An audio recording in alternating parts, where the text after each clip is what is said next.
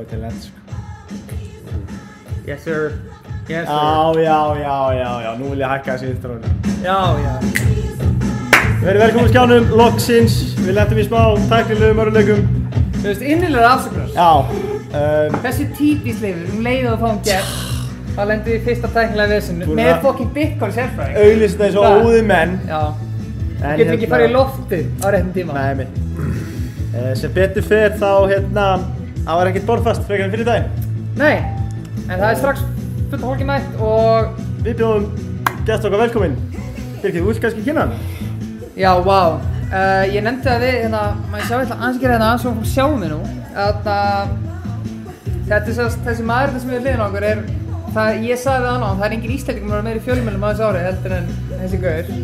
Uh, Kjartan Ragnars heitir hann, framkvæmstjóri Midrás, ekki satt. Rafmyndarás. Rafmyndarás, rafmyndarás og stjórnarformaður Minkup, ekki satt. Jú. Rétt.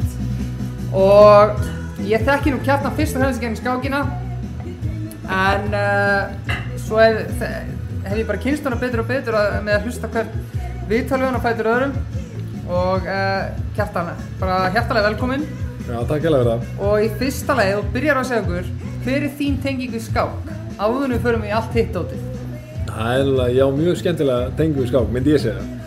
Uh, ég læriði mannganginn, bara eins og svona flestir gerðu, einhvern tíðan þegar ég var í Ísaskóla. Og svo rækta ég það ekkert bara, þú veist, frá, ég veit það ekki, 8 ára aldrei eða eitthvað, þar til ég er svona uh, ég held 25 ára, þá hefði kannski þú veist, tekið 2-3 tækjaværi skákir á ári eða eitthvað og byrjaði á chess.com og var þar held ég með 700 stig eða eitthvað. Eða minna jáfnvel og ég var mjög mótiverðar þegar einn ágættu maður sagði við mig sko þegar ég byrjaði að stúdera þetta og sá hvað það var eitthvað heillandi og hérna eh, var að horfa okkur heimlumindur í Fischer og okkur svona þá sagði hann sko ef þú, ert með 700 stig já, 25 ára þá er eiginlega útilokað að þú komist yfir 1200 stig sko. Já, og hérna ok. Og ég eh, hugsaði maður verður nú að reyna þetta Já. og eh, ég teldi eins og óður maður og ég var einmitt uh, öryggisverður á nætuvörður á vöktum sem var nú lítið að gera þannig að ég gæti telt bara eiginlega meira og minna 10 tíma á vakt eða eitthvað. En strandaði eiginlega á vegg sem var eiginlega 1200 og, hérna, og ég hugsaði, herðu, anskotinn, hvað er í gangi? Og þá byrjar uh, hinn hin dásanlegi maður og mikli stórmestari Hjörvarstein Gretarsson í lagadildinni og ég þekkti hann ekki neitt sko, ég bara, ég hringdi hann eða maður rétt eða hvort ég hann á Facebook, það var annarkvort já, og ég sagði bara þetta, herðu, ég er mikið á skák og mér sýst að þú sett bara maðurinn. Og hérna gætu við hist og uh, talað um skák. Og Ok. uh, þetta er náttúrulega aldrei líkt mér ég bara einhvern veginn hlutina. já, og hérna hann segir á ekkert mál. Og við um, hittumst, tölum um skák. Úr var reyndar mjög góð vináta sem varir enn. Um, og ég spyr, þú veist, er þú veist, gæti ég til dæmis segi við hann gæti varstu þarna kringu 1200 stíð Já, Ok. hann væri svona 1200 stig, já, eins eða og bara á vegg, mér varst ég var að tefla og tefla og tefla og horfa YouTube, YouTube, YouTube og bara ég varð ekki betri. Og ég segi hérna, þú veist, er þetta að gera eitthvað í þessu? Og Já. hann segir, já, já, það er ekkert mál að gera í þessu. Og ég bara fer í enga þjálfum til hans. Já, og við tókum bara dálítið stíft prógram. Og ég náði um, vissulega var það bóla uh, talandi um en Já. hérna, ég náði að toppa í, ég held 1840 já, vá. Sæll. en, en, en, en, en, en, en, uh, það var bóla, skilur ég, svona, ég náði að halda mér þegar ég var sinna, ég náði að halda mér í svona stedd í 17 og chess.com, svo hef ég verið að gera þetta minna ég hef verið svona að ströggla með 1500 þegar ég var að tefla ég verið að tefla minna núna. En þetta er já, þetta er minn bakgrunn ok, ég Hvernig var prógramið sem hann setti því? Þegar nú veit ég að það eru margir hann í kringum 1200, 1100, 1000 og er á þessum fræga vegg sem þú talar um. einmitt, Hvað hérna, hver er galdurinn? Uh, sko, eins og við gerum þetta, hann byrjaði nú að hendi í mig einhverjum, einhverjum bókum Taimanov vörnina og ég hef nú kannski mátt sinna henni betur því að það var nú mjög gott content og við vissulega byrjuðum að svo opnunum en svo var bara uh, ég að tefla og hann að bara spyrja spurninga, bara mjög innfaldra spurningar skilur, bara hvaða kall þú veist, ekki að gera þetta þér, hvaða ef anstæðingurinn ætti leik skilur hvað, hvaða leiku myndi trublaði mikið? Og svona einmitt. og maður já, svona innrætti veist, þetta var aldrei einhverju flóknir hlutir um, og ég held kannski að það hafi hjálpað að þetta gerist hraðar er ég var búinn að setja alveg endurist mikið af vinnu sem ég var bara ekki að ná eitthvað veginn að nýta mér á tappborinu sem hann svona eitthvað veginn já, náði að draga fram þannig að þetta var basically bara svona hands-on kennsla Já. um, en ég segi bara að fara í einhvern þjálfum til Hjörvarsteins ef, ef hann hefur einhvern tíma í það það er Já. bara þú veist, ef þið viljið vera betri skák allavega þá hérna, veist, er það málið Þetta er ekkert mál, finnið ykkur bara eitthvað stórmistar að undi og hann já. þetta. Algjörlega, ég man einmitt sko, ef ég kom inn í það sko, ég man að við kjartan teltum fyrir kannski svona, ég, þá hef ég aldrei séð sem skákmann sko. Mhm. og ég segja nú oft ef ég hef ekki heyrt um að skákmann þá getur hann ekki neitt. Já, og þarna, ég er náttúrulega mætti bara þannig í skákinu svo komum mér alveg rosalega óvart. Þá, þá varstu örugglega bara nýkomin á herskólanum og sjálfar sko. Já, einmitt ég held og, ég muni eftir þessu. Já, en svo endanum hafði ég þig eins og flestar hókana en Já. þarna, þetta var en þannig að þú góðst mér vel óvart sko, þannig að Hjörvar hefur greinlega skólaði vel til. En það þýðir ekkert að tala um fórtíðina nú Nei. fórstu að sína okkur í kvöld já, hvað Hjörvar er góð þjálfari já, ég með- það er fínt að ég- orðspori og Hjörvar undir í kvöld sko. Það er fínt að ég sé alltaf ekki mórfórum mitt undir, ég set, hendi hjörvari bara undir ef þetta, ef þetta gengur illa. en Leifur, ef við kannski minnum á það uh, Leifur, hver er styrtaðalega okkar? Já, herri, við erum hérna með Coolbet Ísland uh, sem er með, tja, alltaf með skemmtilega stula og, og oftar en ekki á allra bestu. Er ekki hægt að að betta lengur á eldgósi? Nei, það var lúka heldur betur snemma fyrir það. um, það er spurning, þeir voru seinast með fyrir nýjum blöð, sjöðustölgi, spurning hvort þið verðið með það aftur, ég hef ekki það, en það er alltaf, Mjög skemmtilega stuðlar. það það, þess verið að fylgjast með alltaf í, erum í aðþrengu undir þeim dálkja, það er oft skemmtileg, skemmtileg veðmál. En við erum komni með nokkra spurningar nú þegar á kjartan. Við kveitjum hygglust með að fólk virki tjattið eða það er með challenge á kjartan eða vill latna spyrja einhver spurningum. Svo er það það að Coolbet vinningur um dag sem, sagt, Vá. sem að fer, rennur til áskorunda sem að segra okkur um, Við erum ekki að fara að tefla í dag Þannig að það er bara snýst um það að kjartan skorið á hann og, og ef að þið sér það þá er það 50 eurur í, í bankan Heldur betur. Þannig að Okay. það er heldur betur til mikils að vinna en það er ein regla það er, það með allir skora á en, en þú verður að vera undir 600 til þess að vera gjaldgengur í það að vinna vinningin Ég held að sé ágætt, byrjum á að hita kjartan að þessu og já. við grillum hann að þessu spurningum. Já. Kjartan, þú mátt ít á play. Svo erum við Dominos, já, endilega að byrja það bara Svo erum við Dominos á Vá. Íslandi um. Og þar erum við Dominos komendir Það er einmitt komna nokkar spurningar inn Strax stingur augun fyrir inn. Já, já, þetta er, þetta er skemmtilegt Þetta er líklega eitthvað sem Hjörður er kentir, ekki sagt? Uh, hann sagði þú eiginlega bara ræður daldið hvaða byrjun líður vel með um, ég horfði eitthvað held ég á Lefana Rónian tefla ennskófnuna en ég var mjög hrifinn af um, Þú tefnilega hann með E3 menn ekki G3. Já. já eins og segi ég er nú eitthvað einn örgulega strax komin í mikil, miklar ógöngur nú þegar sko en en ég hérna uh, ég var mjög hrifinn af ennskófnunni þegar uh, Fischer uh, laði sparkja velli í sjöttu skákinni í höllinni Einmitt. með ennskófnunni uh, sem hefur nú verið kallað held ég hefur nú ekki verið kallað Mozart og Chess eða eitthvað Jú, hérna, rétt. um, Mikið rétt. að hérna það var svona já en, en líka æmi fannst það bara þægilega að ég þú veist við pældum í D4 Já, í mikill talsmaði D4.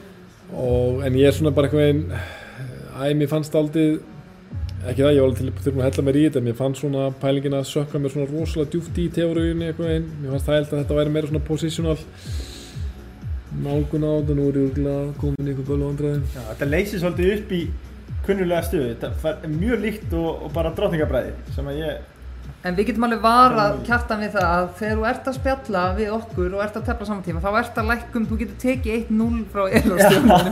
það er doldið þannig sko. uh, Það er rosalegt.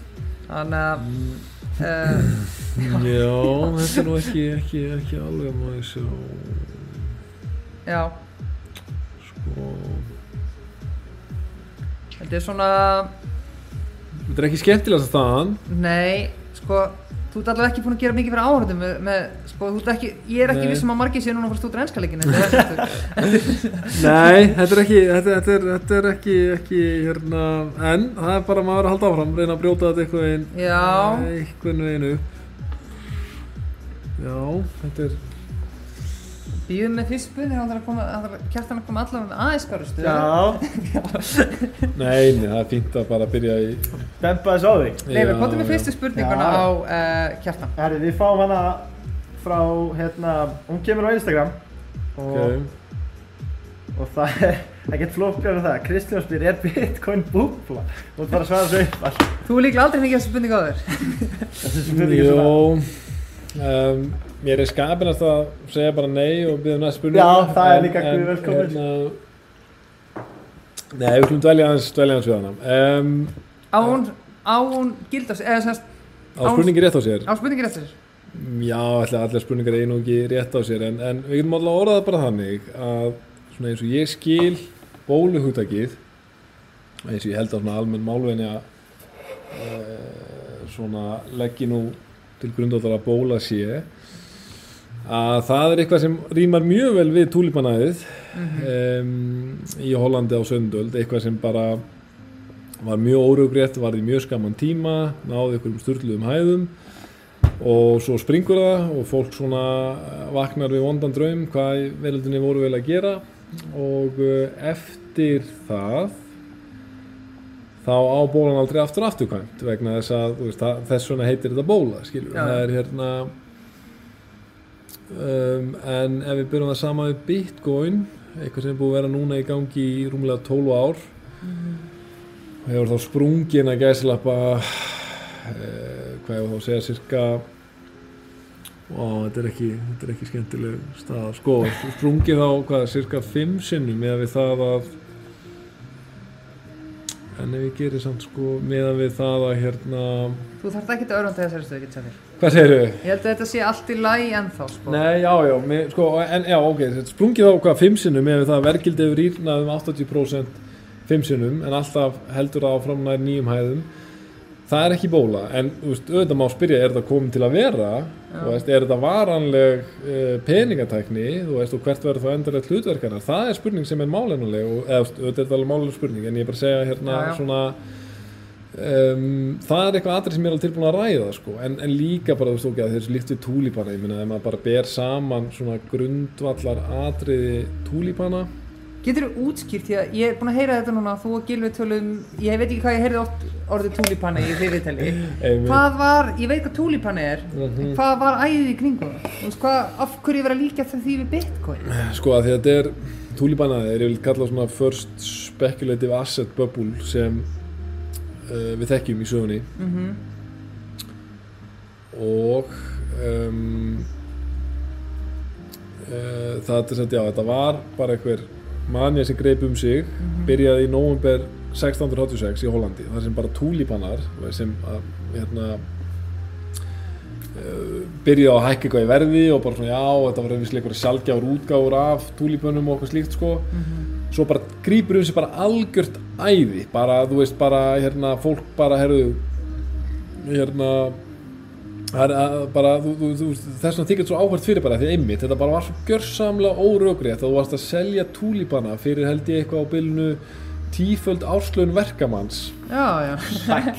Það var ekki minni það. og hérna, og menn voru bara herðu, þú veist, þetta er bara þess að þykir þetta svona ótrúlega ekki bara hagfræðilega, heldur bara félagsfræðilega spennandi fyrirbæri, hvernig getur þetta gerst fyrir homo sapiens sem á nú í grunn að vera svona frekar rökrið þengjandi, sko uh, en þú veist svo náttúrulega bara endanum og það tók nú ekki langur tíma, það tók fjóra mánuði þá bara ok, oh my god, ég hef búin að fá einhvern til að hérna uh, setja þennan pening í túlíbana nú er ég út úr þessu rugli og æðir hundi og, og bólan sprakk og veist, eftir þetta er þetta eina, eina arleðin sem þetta skilur eftir sig er bara einmitt eitthvað áhvert fyrir bara til að stúdera félagsfræðilega sko. en þá kemur þetta þú veist, sko, býðum aðeins býðum aðeins við Ég verð nú að segja að svartu greip ekki tækifæri þessari skák. leki ammeran sem hann hefði getað nýtt sér betur? Nei, mér fannst þú já, vera orðin dálítið veikur tilbaka fyrir sko. já, já, já En þá er önnur spurning sem ég ætla fyrir áður höldum áfram með, en það er að því ég er búinn að spyrja um bakgrunn úr skák, hver er þinn bakgrunnu við, af hverju ert þú mættir í Bitcoin gamið? Afskuðu, hvernig, hvernig byrjaði þetta allt saman? Sko, þetta byrjar uh, á því að og það, já, þetta tengist nefnilega skákin og. Bitcoin, það er nú að skemmtilega við þetta sko, af því að uh, hann Patrikur Marón Magnússon, frangatastjóri og stofnandi myndkaupa hann er búinn að vera mjög lengi í þessu Bitcoin umhverju, ég þekki hann úr skákinni. Já, já, og hann var komin mjög langt á veg með þessa hugmynd að setja á laginar miðlun á Íslandi til að miðla bitcoin. Og var búinn að forrið allt uh, systemið og allt þetta. En, en vantaði uh, það að fara í gegnum ferli á fjármálættiltuna að fá skráninguna sem er pappir svona, svona bara lagalegt ferli. Og hann var með allt know-howið sko í forritun og öllu því en vantaði þetta já, og svo ertu tilbúin að kýla á þetta með okkur og verða bara hlutafi og hérna þetta er aldrei stíft ferli og þetta tók enda að taka ykkur 11 mánuði. Og ég bara, þú veist, ég maður fyrst sem ég spurði það var bara, skilur, þú veist, er, er hérna þetta 2019 snemma árs? Já, og ég spurði hann hérna uh, er einhver uh, markaður fyrir Bitcoin? Ég held þú veist, ég, veist, jú allir kannski hafa nú ekki vitað að það væri til þá áfram sko en ég held bara að þetta bólan sprakkana 2018 ég held bara að það væri algjört game over sko. Þú hefur nú sagt frá því í viðtölum að þú hlóst og hlóst og hlóst þegar þetta fjallan eða varst, ég út á Spáni eða eitthvað? Jú, ég var á Kanari eða, ég kannski hló ekki hló en, en, en, en þú veist, ég var bara ég man ég var að segja kona mína bara erum vá master þessi, þessi vinnu minn og þessi vinnu var að segja mér uh, hvernig gat fólk ekki sagt sér það sjálf skiluru og hérna Þú varst mjög skeptiskur. Já, þú veist, ekkert bara skeptískur, ég var bara, ég var bara, þetta var, þetta bara gekk, dæmi gekk bara enga vænu upp. En ég að það gaf mér engan tíma í að stúdera það því að mér fannst það einmitt vera það mikið ruggla að ég var ekki einhvern að fara að sofa tímanum mínum í að, að hérna stúdera það og þá var ég svo gáttaður, oh my fuck. Já, já, ég vil ekki segja neitt að vera að tala eða bara að leggast í kalli. Mm. Þetta, þetta kemur að einhvernig. Nei, býtu nú við, býtu nú við, er, Uh, nei, það, það gengur ekkert upp, Nei. en djöðlið maður, djöðlið. Ok, allt í lagi. Skákinu aukaðaður í Já, þessu já. streymi. Það er bara svo les. Já, en ok, hérna... Er markaði fyrir þetta, spurðu þú.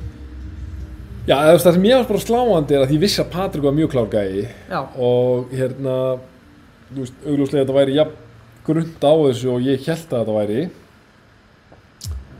þá hvað er þetta?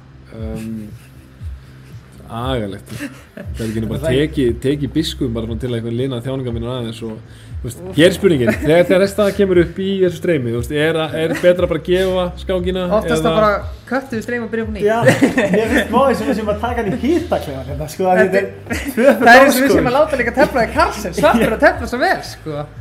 Sko- um, Nei, þetta var aðal, hvar, hvar, hvar ger ég Ok, í Eh. basically það sem ég, má ég koma með smá komment? Já, Sko, mér fannst þú í raun og verið bara í upphafi stilla smá villist upp. já, það er veist, þú ert með biskup á, farðu bara alveg, viltu ekki bara gefa skák? Jó, var- það, sko, ok, en hann var með slatta stigum þessi, ég fæ bara mínus 5 hann lítur að vera með eitthvað já, á 16, já, ok. En ok, já, en ef við förum hérna, sorry, ef við förum hérna bara, rennum, þú veist, já, við erum konum með challenge frá Angry Fans strax, Já, tökum það. Já, ok, sko, ok, þú teflir þetta alltaf svona, eða ekki, eða? Nei, Nei, það er alveg málið, ég veit ekki hvað ég var að gera þannig uh, ég ekki, veist, Já, er ég, oftast jú, fyrir það? en ég bara rugglaði mig pínu að hann, hann maður er svo vannur E4 Já, ok, en E- E5 segi, en, en að, þetta var hrigalegt, þetta var hrigalegt en þetta var, held ég, ágætis þess að ég ætla að segja var hérna til dæmis, Já, hérna á biskup alltaf að vera etum, af því að þú ert með P1, F5 og- og G6, þú ert alltaf með biskup etum. Já, En allavega, uh, ef við ekki bara taka það fyrsta? Er víða? Akkur er biskupin alltaf á E1 Já, þess að í raun og veru, ef ég má útskýra það, ástæðan fyrir að leikur ekki biskup D3 er að, að það er á, ágætin, ágætist tumabötu regla að þegar anstæðingurinn fíantjættu er eða biskup hér, Já. þá er biskupin heima E2 en ef hann fíantjættu er ekki þá er hann á D3 ok. Vá, þetta, við- ég tefli bara nákvæmlega sem stöðu alltaf, ég hafði ekki hugum Svo ég að kenna ykkur eitt annað sem er triksi í þessum móta hollendingnum sem er doldið skemmtilegt. Að þegar sættileikurinn er rittar F6 og þá getur maður bara að leikja þetta H4 og segjum bara að leikja þetta bara D6 eða eitthvað og þá er bara triks að leikja þetta H5 og svo bara ef hann drepur þá bara fórnar maður að skipta mann Mhm. þannig að en við erum tilbúinir í Ok, það var áskorun eða ekki? það er, á, það er áskorun á leiðinni. Mattias Björgvin, ef þú ert að fylgjast með þá máttu challenge hann. Þú veist reyndar að fara að fá 12 ára vél. Ok, alveg vel sko. alvöru vél. Sko. En, það er fínt. en Þannig að það má endilega skora á okkur núna Við erum með, hverju fleiri vorum að skora á hann? Það voru nokkur já, herri, við hérna uh, uh, uh, Mattias, skoraði á hann, Guðan Vennum, fljótur Herri, hér er spurning, af hverju heitur ekki Kjartan Ragnarsson? Já, Já, sem við hérna, já, já Þetta er, ég held ég viti svara þessar allavega. Um, nema, nema ég lí, lifi í ykkur í líi, sko. En, en hvað, var, það er eitthvað áskorun á ekki að taka þeim? Hvernig- Já, ef ekki skoraði á mótum líka bara að byrja aðra Það er kannski, hérna, Hér er- aðra já. kemur einn það er Þessi einn. líka Vá, þetta er reyndar- rosalegur sko gjörðu svo vel 2-1-15, Já. hvað, hvað er í gangi hérna? úlíkalast í byrju þetta hætti sko Jésús, herru, ok en, en, en Ragnars er sem sagt já, Herðu, það eru herru, stælar Hjartan, þú lætur þetta Þetta er, Ég er hættur um að um að hann megi hann, hann komist ég er ánægð með hennar á sömnum maður. Þetta er svona mesta disrespect. Háfinn, á ok, hann reyndar Hann leysir ákveðlega úr þessu sko. Ég held að hann hefði bara verið að stoppa H4 og H5 sem Já, ég er íbúin að tala um það. En Leifur, hvað er með næsta spurning á kjartan dag? Já, heyrðu, spurti er um, Mælum við með að sko fleiri já, peninga heldur en bara bitcoin. Eða fleiri coins. Eða fleiri coins, já, Fleiri rafmyndir. Já. Um, Sko, ég held að það spilla aldrei fyrir að maður kynir sér allt sko. Og hérna þú veist, ég veit að ég er eitthvað leðilegur þegar ég er alltaf að segja að maður veit ekki fjárhustakar ágjöð er alltaf svona eitthvað varka ár en maður verður bara að vera þetta er það nýtt og svona. En, en ég hérna ég get sagt það alltaf það sem svona er almennt ríkjandi í þessu er að í þessu rafmynda umhverfi þá þykir almennt uh, örugast að byrja allavega í Bitcoin og kaupa bara lítið einu, lesa sér mikið til um þetta og svona finna um, hvað mann finnst um þetta svona áður maður fer í uh, aðrar myndir því það sem, hvað er ég að gera? Sko, ég- við skulum Það er no shame að tapa fyrir þessum gæði, hvað er þetta það? Ég, ég, ég þykist vita það, ég sé að hann er hérna, sé að hann er búin að stiga honum og hann er öflugur um, En, en, þú ert bara all in bitcoin, eða ekki? Nei, ég Nei? er ekki, ekki eingöngu en ég held ég sé eitthvað nálægt 90% af port, rafmyndaportfóljónu mínu er Bitcoin. En búin að kynna þér samt Hvað er svona, ok, þú veist, ef þú nefnir bara til dæmis Hvað er svona helstu þrjár coins er tala, eða rafmyndir er talað um Er það ekki, er, erum við þá að tala um Ethereum og kannski Dogecoin eða eitthvað? Nei, Nei, sleppu, Doge- sleppu, sleppu dót. Er dók ekki bara djók ef, ef fyrst þú nefndir það? Nei, ok, kannski djók, en það er mikið Er- er- umræðis já, Ég er ég tala um frekar það, að Það það er snar rétt. hækkaði um daginn, náttúrulega Já, já. En, en er einhver tækni á bakvið dók til að mynda, Veist, veistu það?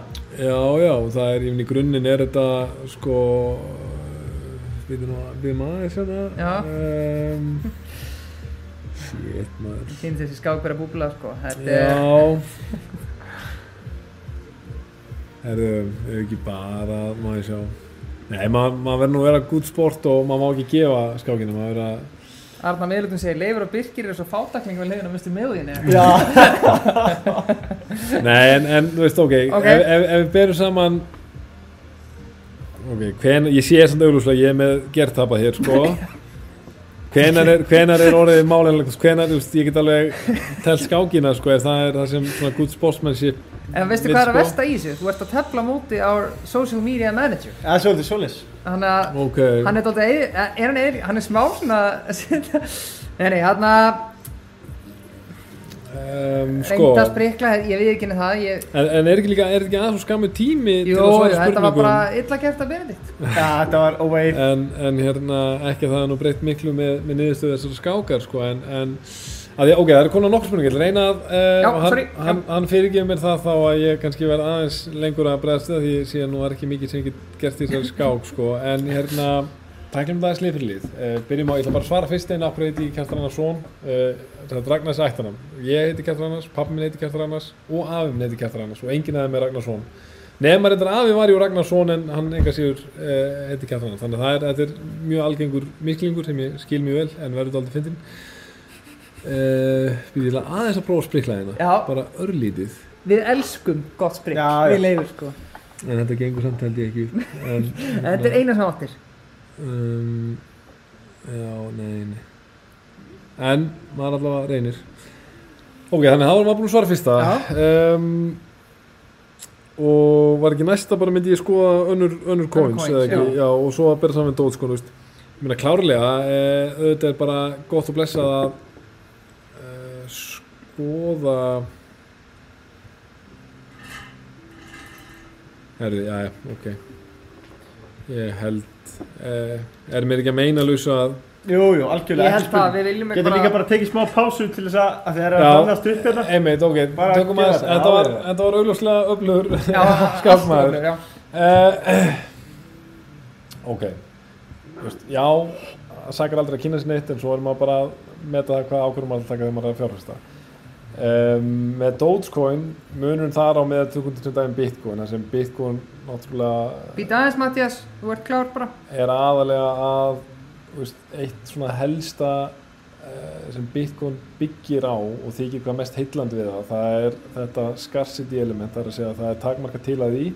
Ekki bara takmarka til heldur það er fyrirfram ákveði hvað er til að því það er 21 miljón, það er sett á fixed supply með þá ef um gull sem er þá meira svona líkt við limited supply það er að segja um, með Dogecoin og margar aðra myndir Dogecoin ef ég maður rétt það eru að, hvað var það 10.000 held ég Dogecoin í hverju blokk sem er mænað á minni með mínútu fresti eða eitthvað það kann að vera að sé ekki alveg það er að, að mjög öll að fletta þessu upp bara CoinMarketCap eða CoinGecko eitthvað slíkt. Þar sér maður, ef maður er að, eða fyrst sem ég myndi gera já, ef maður er að pæla í öðrum myndum Já, fara á síður eins og CoinGecko eða CoinMarketCap uh, og skoða það sem að kalla tokenomics þar sem hvernig er forriti byggt upp þú veist, um dæmi hvað er max supplyið skiluru uh, er það fixed eða er það hérna eins og til dæmis í Ethereum sem er ekki fixed supply það er bara, það verður til cirka 10 miljón Ethereum á ári, bara forever.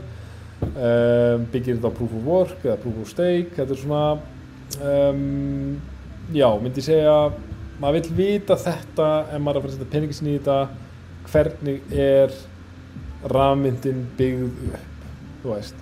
Um, margar svona fyrstu kynslu á rafmyndir þú veist uh, eins og Bitcoin er fyrsta sko cryptocurrencyð það sem við finnst rafmynd það hluta ekki dálítið villandi af því að sko rétta heitið er dulkóðu rafmynd það er cryptocurrency. Rafmynd, maður tengir það meira við bara sem digital já, currency já sem þú veist, á ræti svona reykja allt til sko nýjunda veist.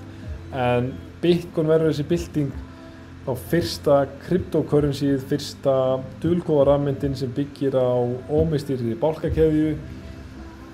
Og í rauninni eina tæknilausni sem Bitcoin kom með var bara þetta að þetta er í fyrsta skipti í sögu internetsins þar sem svo tækni verður til að þú getur fært uh, fyrirbæri X í tilíki Bitcoin Bitcoin frá A til B sem tilíki Bitcoin er þá adressunar þar sem þú ert ekki að færa afrit, þú ert ekki að færa copy skilur sem allt internetið bara byggist á. Og þú sendur tölvubúst eitthvað, ég er ekki að senda, ég sendi tölvubúst, þú veist tölvubústinn Já, en ég er ekki að senda þér og veita þér fullnaðar yfir á umröð tölvubúst, ég er bara að senda þér afrið, ég já, senda á miljón Já, mann já, skilur já, þú veist, já. þetta það, og menn voru reynilega ekkert vissum að þetta væri þetta kallað double spend issue uh, hérna í svona technical terms, menn voru ekkert vissum er yfir höfuð hægt að leysa þetta á internetinu og Bitcoin er fyrsta skipti sem þetta tekst og hérna já, þannig að þú veist, það er bara því að rafmynd þetta er svona, að margir hugsaður er þetta ekki hvort er allt rafmynd, stafrænar þú veist, bara stafrænar krónu heim okkur er ekki, veist, hver er byltingin í þessu? En það, það er mikilvægt fólk skilji þetta, veist, þetta er ekki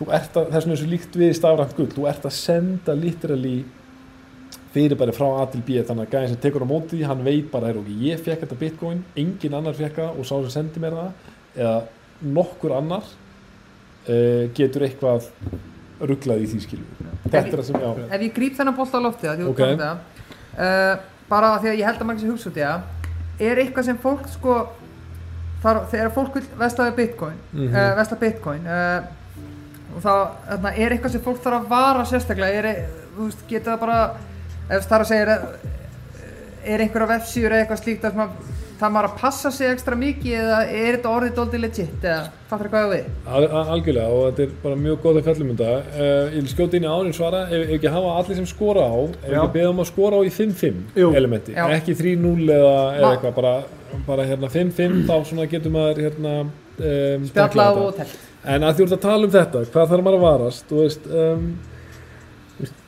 augljóslega uh, get ég ekkert lengt í að uh, augljóslega er maður náttúrulega hrifnastur af því, þú veist, þegar maður er með íslenska miðluna og ég meina við erum með þrjár íslenska miðlanir að hérna, uh, sem er allar skráningarskildur undir fjármálættilitinu, að, að maður svona, það er ákveðnir kostur og öryggi því, en klárlega fullt af legit aðilum uh, út í heimi og krypto og bitcoin og þessar kryptomiðlanir, ég meina Coinbase, uh, Crypto.com, Bitstamp, þetta er alltaf verða, þetta er alltaf krakken, þetta er alltaf færast í þá átt að verða meira og meira og meira legit, uh, meira og meira regulated, en það eina sem kannski ég sé að fólk er, ég myndi segja að ég ætti að nefna svona þrjá helstu hluti.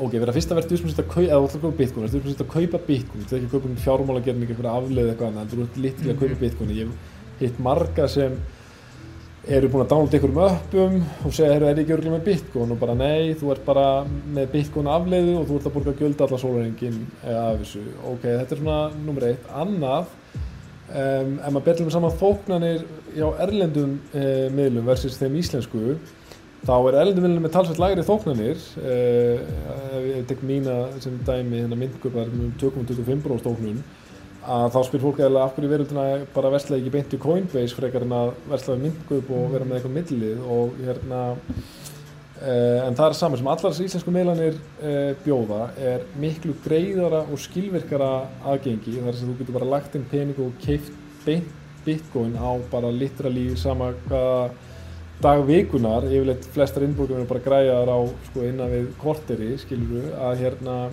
þá er, þá, þá, þá er fólk að gera upp í sig uh, hversu miklu máli skiptir tími minn að komast inn á markaðin og flestir sem er sérstaklega sem núna er lengi í þessu þeir eru bara, herruð, ef ég er með þú veist, 100 á skall, 500 á skall, whatever ég vil komast bara svona inn. Ég er frekar til að borga 2,25% ef ég get verið komið með þetta inn um helgi bara innan við korteri. Já, eh, heldur en að býða til 9.30 næsta virka dag af því að ef menn alltaf svo að fara fljótulegina og nota kreditkortin sem vissulega gefa mjög hratt aðgengi þá hveti fólk alveg eindrið til að fylgjast vel með þóknu því að það er, ert mjög heppin að þú kemst undir 5% þóknun með kreditkort. Þannig að maður getur klárlega valið bankamillvæsla og fengið lægri þóknun en lengri tími. Og reyndar svo fattir fólk ekki sérstaklega með smærri fjárhæðar að sepagreislu og annað kostar yfir kringum 10 dólara sem er þá strax úr eitthvað 1,3% þóknun eða eitthvað. Og þú kemur dálítið inn á þetta hérna, hérna segir við, Ég ger það, en, ég, en ég, mér skilst út frá því sem ég lesið mér til um að það sé aflega Það er ekki, Já, ég, sko, ég þekkir reyndar, ég verði ekki nætt, ég hef aldrei vestlað á Ítalíu, ég veit að það var þannig áður hjá þeim, en mér skilst reyndar núna, núna getur þú de facto bitcoin, ég- en ég verði ekki Já. ég bara, ég veit það ekki, en ég veit bara eitt að sem dæmi þeir auðlýsið taka 0,0% þóknun, um, ég veit að slíkur auðlýsingaháttur myndi ekki ganga upp á Íslandi, hann væri ekki löglegur, uh, af því að þeir, þýðast við það er rauninu tvær leiðir sem getur farið, uh, þeir eru að taka þóknun, Mhm. Þú getur valið að taka það sem kallast það eins og Ítóru gerir. Uh, að nota spread myndgöp nota það líka. Þá sagt kaupir þú og þú borgar ekki eitthvað sem er sundulega sem þóknun heldur borgar þú bara á hærra gengi. Ég held að Ítóru sé að 0,75 versus á myndgöp 2,25 að hérna þá er bara þessi munur á genginu sem þú kaupir. Á meðan eða þú ert að kaupa á kaupill eins og Coinbase þar kaupir bara á markasgenginu svo er sundulega þetta greitur í þóknun. En það er að sama, þetta er veist, issueið eða það sem fólk sér við þessar íslensku miðlanir að vandin sem þær leysa fyrir þá sem eru, náttúrulega þeir sem eru nýri í þetta finnst bara þægilt að vesla eitthvað sem er íslenskt, það er traust og einfalt og örugt en þeir sem eru búin að lengi í þessu þeir sjá að þeir þekkja bara að það getur verið svo mikið vesen að koma íslenskum krónum e, breyta í efrum og setja það á kaupin það tekur yfirleitt, þú ætlar að fá góða þóknun þá tekur það yfirleitt 1-3 virka daga. Um, á meðan kreditkortin er heiminn á gjöld þannig að það er um, og það er alveg, alveg sami ítúruða hvað það er sko, það er yfirleitt þetta vesen en að lögum eins og með bitcoin hendunar og það sér maður sem er enginn fólk sem búið lengi í kryptónu og það, það hangir ekki með bitcoin á íslensku miðlum heldur skullar hýða beint á okkur aðra kaupallir Já, af því að þá ertu svona komin eh, in the space ef maður, ef maður hérna heimir. segir Leifur, uh, ertu með aðra spurninga meðan að það má klárlega Já, við með þetta held ég Challenge. áskorunum já, endilega Ég 5-5 held að Kjarri, hann, það er komið blóð úr tennundun á hann ég, ég veit það núna sko. Mattias, þú mátt skora núna í 5 og 5 eða ekki, 5 og 5 Jó, jó, helst. Það voru fleiri sem voru búin að skora á hann reyndar en hann að ég bara, við tökum bara næstu sem kemur. 5-5, við bara Klart. segjum accept. Það er bara svo leiðis Jafnvel þú að hafa skesi að horfa sko. Það verður þetta alveg já, Já, það er stórt að fá HSG þá var hérna komið tíma á að maður verði almennilega grillaður hérna í- Hefur einhvern tímann tekið hjörvar? nei, aldrei. Ég- því? eh, nei, Nei? Herru, Ég- það komið. Vel gert Mattias. Út að tefna um þetta vél núna. Hvað rosalegu stiga kongar Já, er já. þetta hérna? Þetta er nefnandi minn sko Þannig að Og það er þetta fyrir. Mér langar að skjóta einni spurningu inn frá mér bara persónulega. Já, Leifur, þú mátt bara bomba núna ánka um, Einn af þessum kostum við Bitcoin meðal annars er að hann er ekki miðstýrir mm uh, og núna er eins og dólarinn hérna og bara það, koronaverin hefur áhrif á viðskiptar við allt, alls staðar. Og kannski sett smá striki í reikningin hjá mörgum fyrirtækjum og rekstri. Þannig að Selabankin í bandarækjunum brást við með því að prenta helling af nýjum peningum. -hmm. uh, eins og hérna, þannig að M1 og M2 Mhm. hlutalli hefur bara snar aukist síðan árið Mhm. um, og, og margir vilja meina að við séum að stefna inn í þetta er allavega nýjir tímar, þetta hefur aldrei verið gert áður prenta svona mikið af peningum í einu Mhm. og, og það eru margir að tala um það að kannski to earnings ratio á, á fyrirtækjum og hlutabriðamarkaði hefur sjaldan verið herra ef að hlutabriðamarkaðin tekur dífu eh, væri hvernig hefur sagan sínt sig með það myndi Bitcoin þá hækka eða lækka? Er eitthvað samingjarn á milli S&P 500 og gengi Bitcoin? Sko, það er alveg morgunljóst að gegnum mest af sögunni, sérstaklega frá 2016 þá hefur verið heilmikið correlation eða fylgni við S&P 500 en sérstaklega við gull reyndar. Já, Þannig að hefði verið mjög öll að svara þessu hérna fyrir, veist, eða þú spurnaði þessu fyrir, skulum segja, hálfu ári síðan, þá hefði ég getað satt alveg afdröðlust já, það er heilmikil fylgni. Það sem hins vegar verðist hafa gerst uh, svona upp úr, já, myndi ég segja, oktober í fyrra, að þetta er það, erum við með gáðan tíma, ég er með gert það bara stöðum, það er bara að segja, hægt að sniður. Já Um, sko, það var heilmikil fylgni, sérstaklega gulli, ég held að það verið um 60% correlation eða 60% fylgni og svo var eitthvað aðeins minna af S&P 500 en þetta var basically þannig var það neikvæðin fylgni þá við S&P 500 Nei, bara hérna, uh, við getum orðað þannig að veist, ég fylgist alltaf með S&P 500 og gulli og veist, fleiri náttúrulega rafmyndum og öðru. Og þetta var þannig að ég gæti séð bara ef segjum bara S&P 500 og Nasdaq eða eitthvað var upp segjum bara 1,5% eða eitthvað. Og hérna gull var upp, veist, 1% eða eitthvað þá gæti ég nánast gefið mér að Bitcoin væri upp. Það, það var eitthvað mjög skrítið ef það var ekki upp. Það var svona 9 okkur um 10 skiptum með þetta var svona samaskapið það var mínus 1,5 og mínus 1% þá var nánast veist, 80% líkur eða whatever að, að hérna, Bitcoin væri niður. Mm. svo bara gerist það e, svona í oktober að Bitcoin byrja bara að verist vera að skrifa sína eigin sögu þar sem að verið slíta sig frá þessari þú veist, ég man það var alltaf haldið fram þegar Bitcoin var að berjast í svo kallar 12.000 dólaramúrin já, fyndi að hustið þetta er ekki langt síðan en ég manni því að manni fannst 12.000 alveg svakalig tala sko. Og þá var maður ekki að segja bara já fyrir núnsan brýtur hérna 2000 dólaramúrin þá er Bitcoin aldrei að fara yfir 12.000 og eitthvað. Og eh, hérna, þú veist, og Unsan var alltaf að ströggla við hún svona gulli. Já, hún svona gulli var alltaf að ströggla við hérna 2000 Svo bara uh, er þetta hana í Unsan 1990, Bitcoin er hérna við 12.000 og svo droppar Unsan eitthvað og gull, nei, hérna Bitcoin hrýnur alveg í 9.800 og þá er maður eitthvað ok, nú byrja að Svo gerist það bara að, og vissulega hjálpa að Microsoft var búin að setja pening í þetta og svoleiðis að fyrirtækjast Michael Saylor en, og fleiri hlutir en, en Bitcoin byrja bara að keira og það er engin svona er þetta að festa fingur á nákvæmlega hvað það var? Þú veist, jú, financial institutions fyrirtækja að kaupa og svona.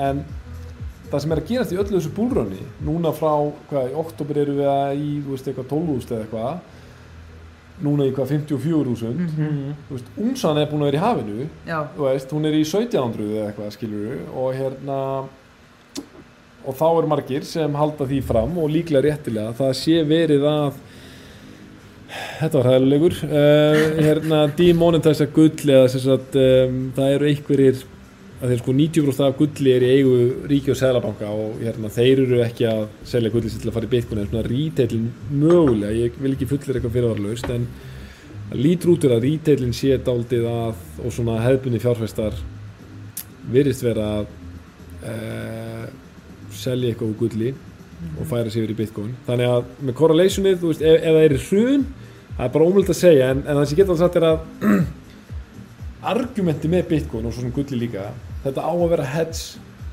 Þetta á að vera sá eignarflokkur sem þú vilt einmitt eiga við slíkar aðstæður. Mhm. en ég menna samt sjáu það þegar allir með þessu hérna, COVID-bylgjan, fyrsta bylgjan í mars 2020 Bitcoin tók líka svakalega dífi þar. En var vissulega fljótt að jafna súrin en vissu líka aðri markaðir. Á þetta að vera hetsennast fyrir þessu hefðbunda peningakerfi sem við búum í? Það er eitt af Er það ekki það sem kosturinn við það er eitt af argumentunum við Jú, það, það, það er eitt af argumentunum við Bitcoin og við gull náttúrulega, þú veist, hinga til höfut aldrei verið bara með svona eila gull sem eitthvað svona hedge ef allt fer til fjandan skilur og svona hugsun bara ef við förum veist, aftur í aldir skilur að bara herðu að það brýst út stríð og allt fer til fjandans þá e, á ég hérna já, já. E, hvað er að gera? En þá á ég gulli og get bara lappað í landamærin og byrja nýtt líf sko um, en þú veist það væri mjög óvarkart af mér að segja að bara já 100% þetta mun standa af sér og, og Nei, blómstra alls, sko en, það er, ég er að segja en, að það frekar það er konseptið já, konsentið, algjörlega, Já, 100% Ég er ekki að segja að verði það Einmitt, einmitt, 100% konsentið og uh, en líka eins og með gull og, og svona heads asset er að þegar vel gengur á markaði þá almennt gengur, ok, erum við Þetta konur í getur ekki verið í lagi. Nei, nei, nei, ok, ok, herru, já ég sé, ég líti að mig að eiginlega bara, Sko, þetta er agalegt. þetta er samt sko hann á ekki neitt Eða þú veist, þetta er bara, en þetta ég, Já. Um, Vá, má ég sjá. ef það er einhver Magnús Karlsson ekki að horfa á það má hann endilega skora á kjara Já, það er enda fínt að fá kalsinn. Já uh, Ég held að Leifur, ertu með aðra spurning á Já, já, hérna sko svo er þetta varandi Bitcoin sem greiðslumil Mm -hmm.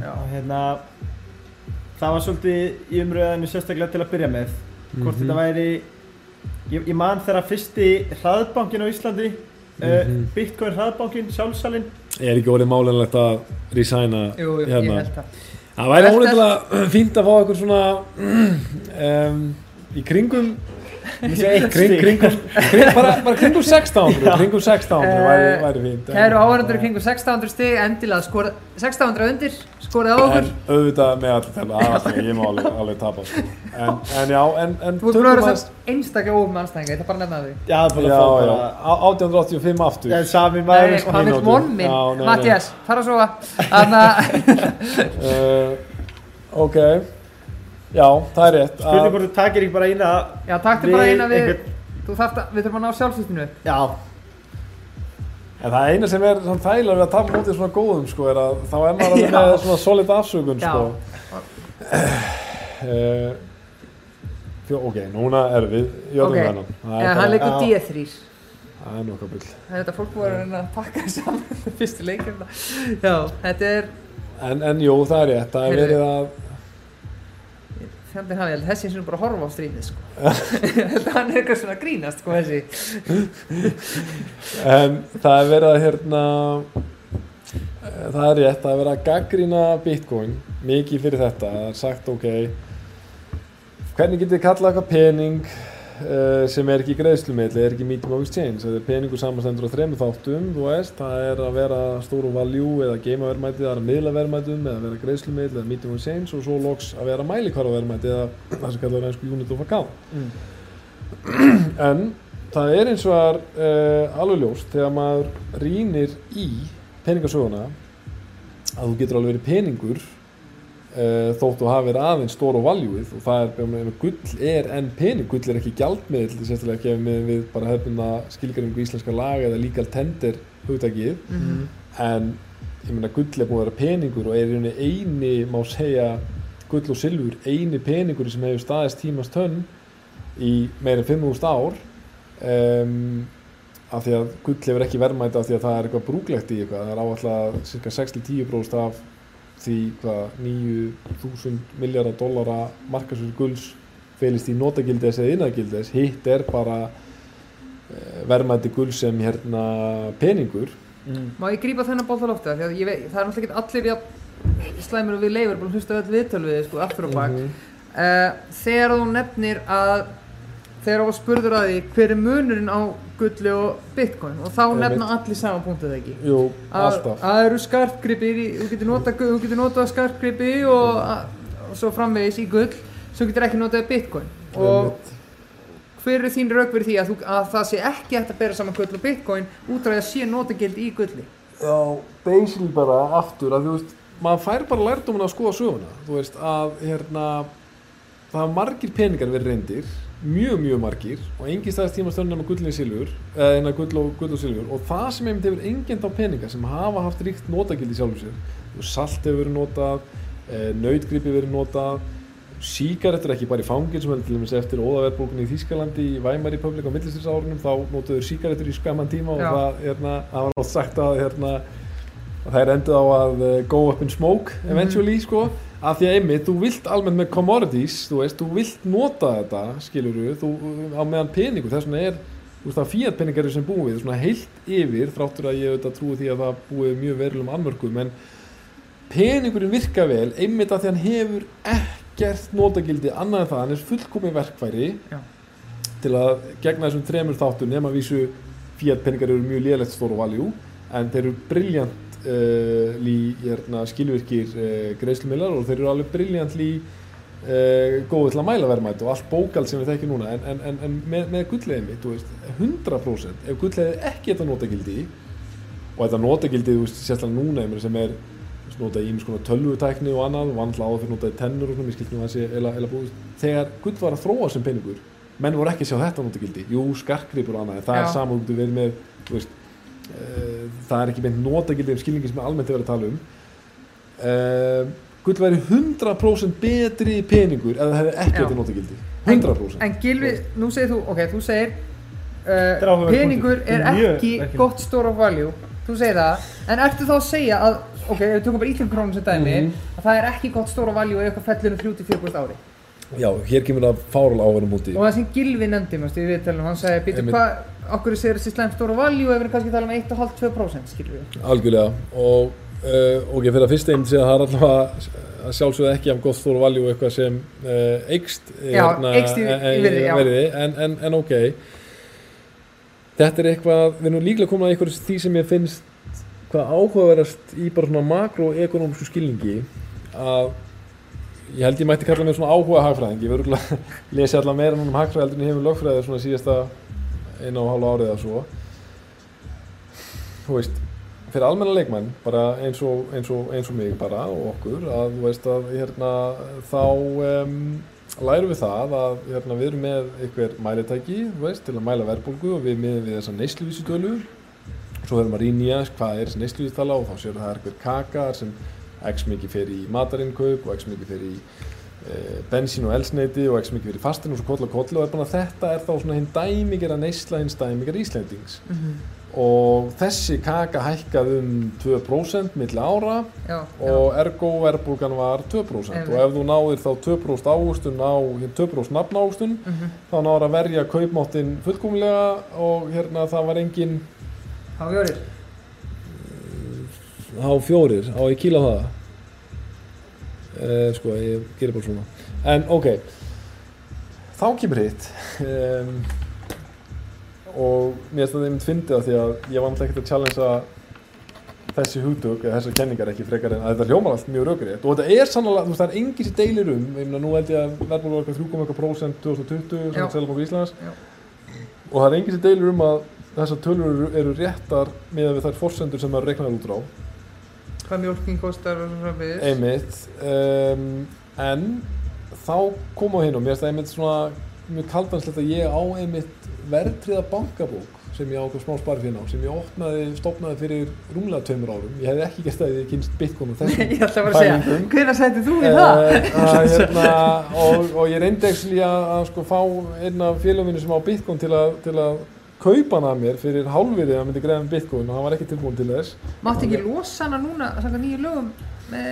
Það er ekki algilt. Ó, ok. Það er hérna, ég var einmitt að vinna í bankunum í sumar og þetta var mjög umdeilt málefni. Já, og hérna, ok um, þá kemur þess spurning gengur þetta upp að þú getur bara uh, tekið nafnáhustun uh, dreigið verbulgu frá henni og þú færð út út raunahustun þetta er bara þessi grundal hugtug sem, sem okkur er kent sko. Já, já, já, já. Ég veit allavega eitt, 100% að fólk sem á peninga uh, og skilur peningarið það lítur ekki svo á, það er ekki að reyna að verja kaupmátt fjármaksins gagvart uh, neysluðstölunni, það hugsaður heyrðu, hvað eru þeir eignaflokkar í samfélaginu sem uh, ég virkilega ásælist eða, eða hérna, er að miða því að hafa góðan kaupmátt gagvart Já, hvernig eru þeir að hækka árlega? Og þá er ég að tala meira um fólk eins og fasteignir sérstaklega en ekki eingöngu. Uh, verbref uh, gull, augljóslega um, bitcoin já, núna. Já. í rauninni alla eignarflokkar sem eru skars það er að segja að þú veist sem er takmarka til af uh, og þú sér að þetta er ekki að hækka um einhver 3% ára, þetta er að hækka miklu miklu meira. Og þá spyrir þið okkur hvað er verið að auka mikið peningamagni í umferð árlega, ef við tökum bandaríkinn í fyrra M1 og M2 15% aukning í M1 27% aukning í M2 og svona, mér skilst að bandaríkinn með noti almennt meira M2 þannig að þú basically 27% aukning á money supplyinu. Og svo sérðu hvað er hlutaverumarkar að hækka mikið, hvað er fastanverð að hækka mikið veist, og þá rýmar þetta betur þessar tölur. Og þá kemur gæjar, komur gæjar sem er að setja mikið pening í bitcoin herru, þetta er sá kaupmáttur sem ég vil verja. Og ég er ekki að kaupa í bandaríkun það segir að verðbólga sé undir 1% eða eitthvað þannig að um, já, því við vorum bara að tala um þú, þú, þú, þeir sem eru hrifnir af þessu stóru valjúkonstiti að jú, ok, að, já, alveg Já, já, já. að, hérna, ok, þannig að krónan heldur vissulega og ég get ekki neita því hún heldur verðgildið sínu alveg vel gagvart mér sem neytanda en gagvart mér sem vil eignast eitthvað annað vera eitthvað annað en bara neytandi þá heldur hún kaupmættinum mjög illa og miklu miklu verð heldur en einhver 3-4% ári Þú horfir í það að þetta er líka aðna, ekki gott ef þú horfir til og svo framvegis. já, Já. einmitt Uh, þá kemur við spurning, hérna, hvaða síður er best til að nota til að kaupa rafmyndir? Já, ég náttúrulega er ekki Þetta er bara spurning, já, já, já. já, já, ég, ég, ég, veist, uh, einu sem ég get sagt þetta er að þeir sem hafa verið að nota íslenska miðlanir hafa bara verið mjög sáttir og hérna, ég auðvitað er ekki óhlutræður af því að ég er náttúrulega stjórnamaður og hluta í myndköpum en, en við erum með núna meira en uh, 3700 viðstöðinni og fólk er bara mjög ánægt og hérna, þannig að, en eins og ég sagði áðan, þú veist, klárlega ef, ef, ef tími, ef þú ert búin að býða lengi eða þú veist, lengur að minnst að kosti að því að krypto er 24-7 markaðar þannig að þátti hver klukkutími skiptir máli þá getur þú klárlega fengið e, læri þóknanir. En bara örstuðt 30 sek, af því við ætlum ekki að eða miklu tími í myndköpi kvöld, mm aðna bara af, veist, einmitt þessi spurning, kannski búin að svara henni í kvöld og varst kannski aðeins komin inn á það núna, af hverju fer ekki frekar bara á netið og kaupa þetta sjálfur heldur en að fara inn á íslenga síðu og borga meiri þóknun, Mhm. hvað er það, af hverju virka myndköp? Uh, skilvirkni, það er bara styrsta svarið það Já. er bara, það skiptir fólk það og fyrir að fyrsta líka, þú veist náttúrulega þeir sem er að kaupa kreditkortum eins og margir að gera það er bara blóðugar þóknanir sem Já. fólk er að greiða og oft sérstaklega fyrir smærri fjárhæðir Þú veist, ég tala ekki um fólk sem er að kaupa kannski fyrir undir 100 áskatt sko, og þú veist, þá er þetta að borga bara 10 dólar á SEPA færsluna eða hvað er 900 krónur, svo eru sem að síðan með 10 dólar, þá ertu strax komin í bara 2% bara við það að færa fjármagn á milli sko. Um, en þú veist, líka í þessu umhverfi, þessu crypto space þá er það, held ég að séum allir samhverja, Nei, nei, ég veit ekki, þessi Tjúsi Ritter er það þátt ég já, en En- hann fær að vera bara juicy en ég held að ég sé alveg góður. Leifur, við verðum að ná að klára spurningar sem verðum á kjartan, hvað með fleiri á hann? Já, já. Við verðum alltaf að klára það- sem hlustutum voru konum með En allavega ég- ég- klára þetta. Ég ætla bara að klára að, að þú veist, e, þóknanir munu e, trenda niður. Þú Veist, það er held ég alveg, þú veist, allir sem eru sammála um það, sko. það, er, það er munu lækka e, eftir því sem bara spacey verður meira, þú ekki lengur alveg af nýtt og annað. Nei, byrjum við, við. Þetta er skásta staðan sem voru verum einhvöld Já, en já, endilega, dúndrið fleiri Já, spurningar. fleiri spurningar. Uh, næsta spurning kemur hjá, já, Diggum aðdanda, hér þetta vona, Birki Karli Sigurðssoni. Já, ákveðt aðdátti Uh, hann hérna, hann spyr, á hvaða tímapunkti varstu samfærum ágættu bitcoin? Nei, þetta var Gunnar Áki sem spurði þessu Já, hún var komin, herri. Hversu átt þurfti bitcoin að að fara til þess að þú myndir selja? Þetta er Og- spurning frá mér og þetta er bara raunverulega spurninga því að ég þekki líka framkvæmstur og myndgöp ágætlega, Patrik Máron, hún er um heimsustara saman í skák. Mhm. uh, og ég spyr hann ofta þessu og hann er dólið svipa, hann segir bara aldrei. Mhm, og þess vegna ákveði að spyrja þau líka. Einmitt. er engin tala ef þú ert bara 100% hreinskilin? Já, eða langaði bara ekki að sjá íslika krónur? Viltu bara sjá bitcoin? Það er dálítið mikið þannig hjá mér um, en af því að ég vil aldrei vera hypokritikal eða eitthvað að þá get ég alltaf sagt að auðvitað er auðvelt að segja einhverja hluti núna en svo þegar maður er komin í þær aðstæður þú veist að þá er eitt að segja eitthvað núna og svo annað að segja í aðstæðunum. En ég veit alltaf, ef ég tekur sem dæmi Patrik, hann hefur alltaf efna á því að segja hann hefur verið að kaupa bitcoin sem hann verið 3000 okkadólarum Já. og hann er bara núl á því að selja, hann hefur myndið að kaupa núna reglulega. Heru, er, ég er með fína stöði hérna. Og ég er alveg falla tíma. Um, sko fín staða, já, já. Hún er ekki töpuð. Hún er ekki töpuð. Hún er ekki töpuð. eða hvað, er hún töpuð? nei, en þú nei, jú, núna. Hvað er ég að gera? drottningar oh my jesus Heru, þetta er erfitt. Þetta er Að mjög erfitt. Ég var ekkert að er segja. er- ég held að það væri ekki svona erfitt. En ok, shit. En Þetta var líka erfið spurning. Já, já, Þetta var, erfið staða, lítill tími og erfið spurning. Þetta var bara svo verið gett betur Herru. aðspurningum og að tefla. herru, þú fær, challenge var 1249 Hefði þið að þetta 5-5 með það? þetta er 5-0, Fimm, já, það er 1249 Það er örgulega, hérna, ok. Jónni Kínum á það. En þú veist, stuttasvarið er Það er ekkert exit price sem ég hef í bitcoin. Um, Auðvitað ef bara aðstæð verður þannig hjá mér að ég þarf að þú veist, standa í mína fjárskuldbindingar og verða að losa um bitcoin skilur þá mun ég gera það. Ef nöðsinn nöðsinn grefur eins ef þú en ég er að tala með aðstæða myndi bara haldast óbreyttar ég er bara að spurja já, um nei, tölu. nei, Nei. það er ekkert. En svo eru náttúrulega bara tíminn að hólega ljóskort í standi við það skilur þú vaknar á morgun, 1 million dollars Þú veist, það er volið auðvelt að segja bara núna, skilur en, en jú, klárlega, það er mitt fundamental belief að hérna sem sagt, basically uh, að, þú veist, jú, ok mér langar á einhverju tímabúti talangum með eignum fleiri börn og okkar, hérna uh, þú veist, eignast þeirra hús og eitthvað annað skilur og þá er maður tilbúin að breyta bitcoin í önnu verðmæti en basically að breyta bitcoin bara í annan pening, þú veist, Já. það finnst mér þú þarf hvað sem er að gera eitthvað annað við hann pening skilur. Já, einmitt þannig að sko veist, ég trúi því og hef þá bara rámt fyrir mér ef það er rámt veist, ég trúi því að Bitcoin sé superior money, superior store value og uh, mér sýnist uh, Bitcoin speikla alveg einstaklega vel við þau uh, svona helst ára að tala um þessi fimm grundáta skiliri sem Mhm. peningur þarf að búa yfir til að ganga upp sem peningur. Uh, mér finnst það speikla alveg einstaklega vel við Bitcoin og ég er sannfærður um að það sé ekki galli eða annmarki á Bitcoin að þetta sé óskilvirkur greiðslu eirir eh, eða óskilvirkur eða bara ónótæfur unit of account eða mælikvara verðmæti en uh, uh, hérna tími verður að hóla eða til ljós Já, svona svolítið út frá því. Já, hérna, og þetta er mjög opinn spurning og það ég veit hvort þetta er svaran alveg en, en hérna heldur að Bitcoin geti náð hvað heldur að geti náð miklum stöðuleika af því að heldur á einhverjum tímpúti minnum að geta vaknað og bara ekki búið sér 10% eh, mun og annars að blikka auða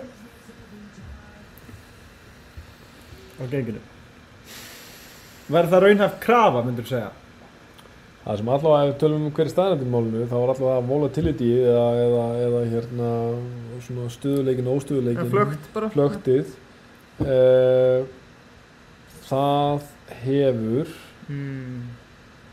trendað niður alveg svakalega þessi, þessi 12 ára sögu, ég meina nú ok ég meina, segjum að Bitcoin lækki um 10% á morgun það, um 10, það er stór dagur, það er alveg signifikant dagur. Það er rétt fyrir 5-6 árum 20% var bara að 20% í dag Já, 20% já, já, skilur já. þannig að veist, volatility er að trenda niður Mhm.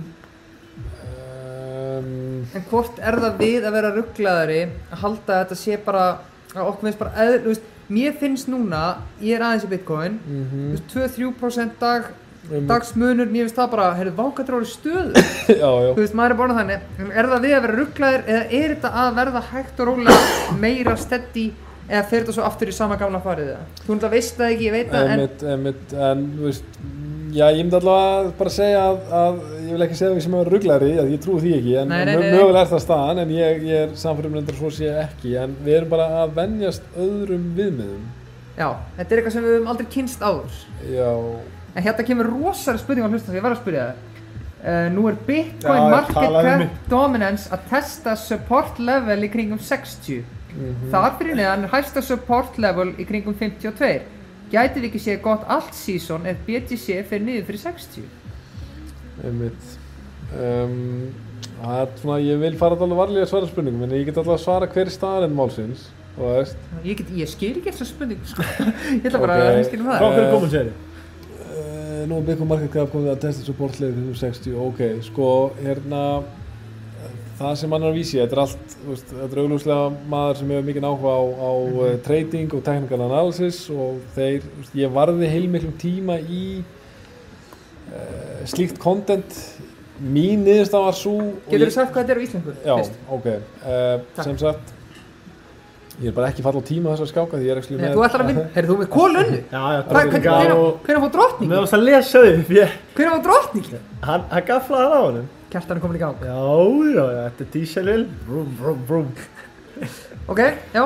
Sko, uh, sagt, með þessu hugtaki BTC Dominance Level er að það er talað um að alla rafmyndir í heiminum, það er allar rafmyndir sem hafa einhvert markasvirði það eru eitthvað, maður sér þetta á Coin Market Cap það er eitthvað kringum 10.000 um, að þær veistu mér bara, sorry, ég verð aðeins að ég, ég, ég er trilltur ef ég hérna Ef þú myndi, ef þú myndi fara frá kvöldi ekki bara að vinna skák. já, líka með þessa stöðu sko, það er bara ég verð að sigla þessu heim Allt í góðu. um, Leifur, ert þú ekki góður annars? Góður Ert ekki góður? Nei, aldrei verið betri held ég Vi, Bara- Við gátum ekki rétt með hann fyrsta gest. Nei, mér finnst það gæðveikt sko Hversu paningaði varstu þegar að neti virkaði ekki klukkan Úff, nýju? Sko, fyrstu, áður við byrjuðum af því við vorum jú hvað, tíu Ég refreshaði, ég slögt á tölvi, slögt á kveikti Ég var búin að Við vorum reyna og að blása þetta. Af. Já, þú veist, ég var líka búin að grínast með þetta í marga dag Því við erum búin að peppa hana þátt og búin að vera því lítið spenntra frá kjartan. Að eitthvað myndi nú auðvitað klikka. En blessunlega rettaðist það nú fyrir hot ég, bara, ég, ég finn bara á mér, ég, ég er ekki að fara að vinna Jú, sko, hann er með, byrja, hann er með, sko, þú ert með, Ég bara finn það alveg sterklega á mér, ég er ekki að vinna að ská. Ég veit ekki hvað er. En, um, er, herru, ein spurning þú sagðar, er myntkaup aftur komið? nei, það er Nei. ekki komið.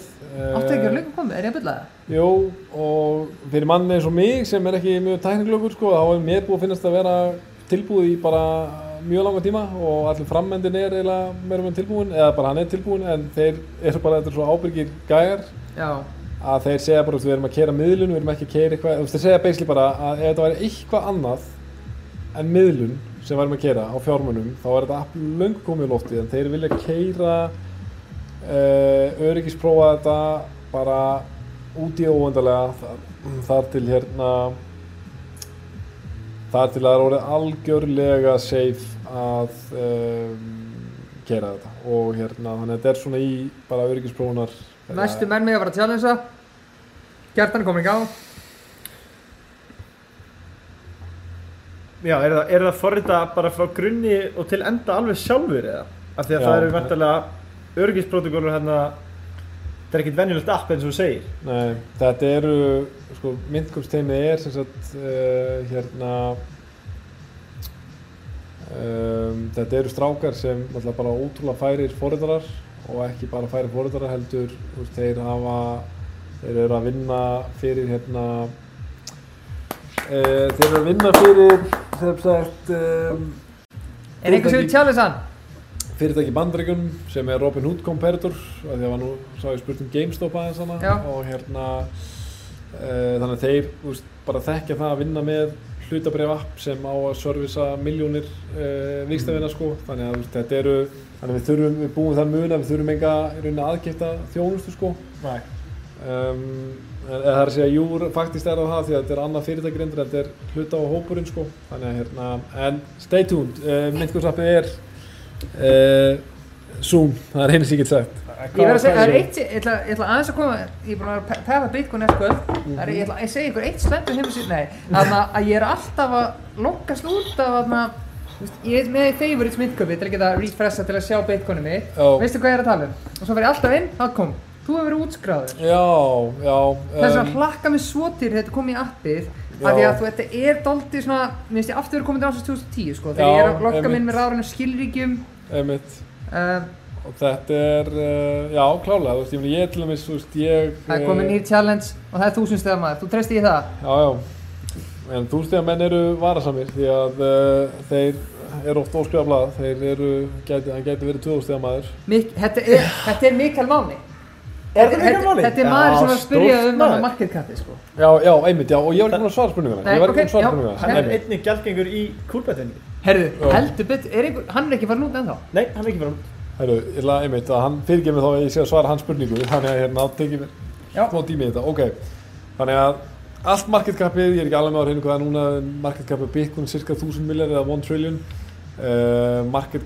er ég þóri ekki alveg að fara með eitthvað kringum væntanlega 1,7, 1,8 eitthvað trillion dollars. Af öllu kryptó sko. Já, og það er að segja BTC market dom sem þá af þessu heildar, þú veist, maður sér þetta bara á Coinba- á CoinMarketCap 1, þú veist, ég veit ekki, hann getur, getur pizzað inn eða fara á CoinMarketCap eða þetta stendur efst á því. Mhm.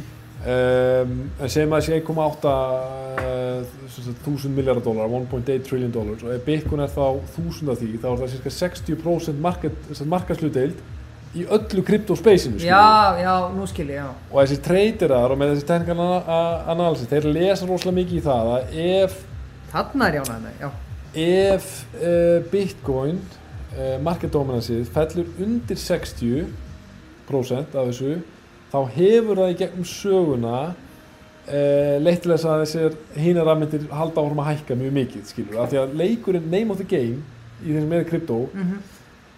Er rosalega mikið bara að reyna að auka Bitcoin stöðunni sinna þeir fara í margar rafmyndir og eru með endgameið í Bitcoin skilur Já. og það var hann að spila núna. Mögulega gæti að gerst, ég veit ekkert hvað gerist en, en, en ef allavega sagan segir það að þegar Bitcoin er svona sideways uh, malli, bara svona eitthvað sem að vera að rokka millir 47 til 54 í einhverja mánuði, þú veist þá hefur sagan verið þannig að hinar rafmyndinar altcoins eða alternative cryptocurrency þær hafa verið að rallja upp alveg, keir upp, keir upp, keir upp, keir upp þannig að spurningin var nákvæmlega, þú veist, eitthvað þetta sérðu fyrir allt sísón, þú veist, Allt season, hvað er það að já, tala? um? einmitt, allt sísón tíði bara það að það sé þá tímabil sem aðra rafmyndir en bitcoin hækki gengdalust ég ég myndi segja, þú veist, það er allt sísón núna líka, skilur, Já. bitcoin vissulega er að standa sér mjög vel, en ég myndi aðra rafmyndir er að hækka bara enn meira, líku við, sko, en, en, en, en svo er hitt að, hérna ég myndi segja að þegar ég byrja að fylgjast með genginu eitthvað svona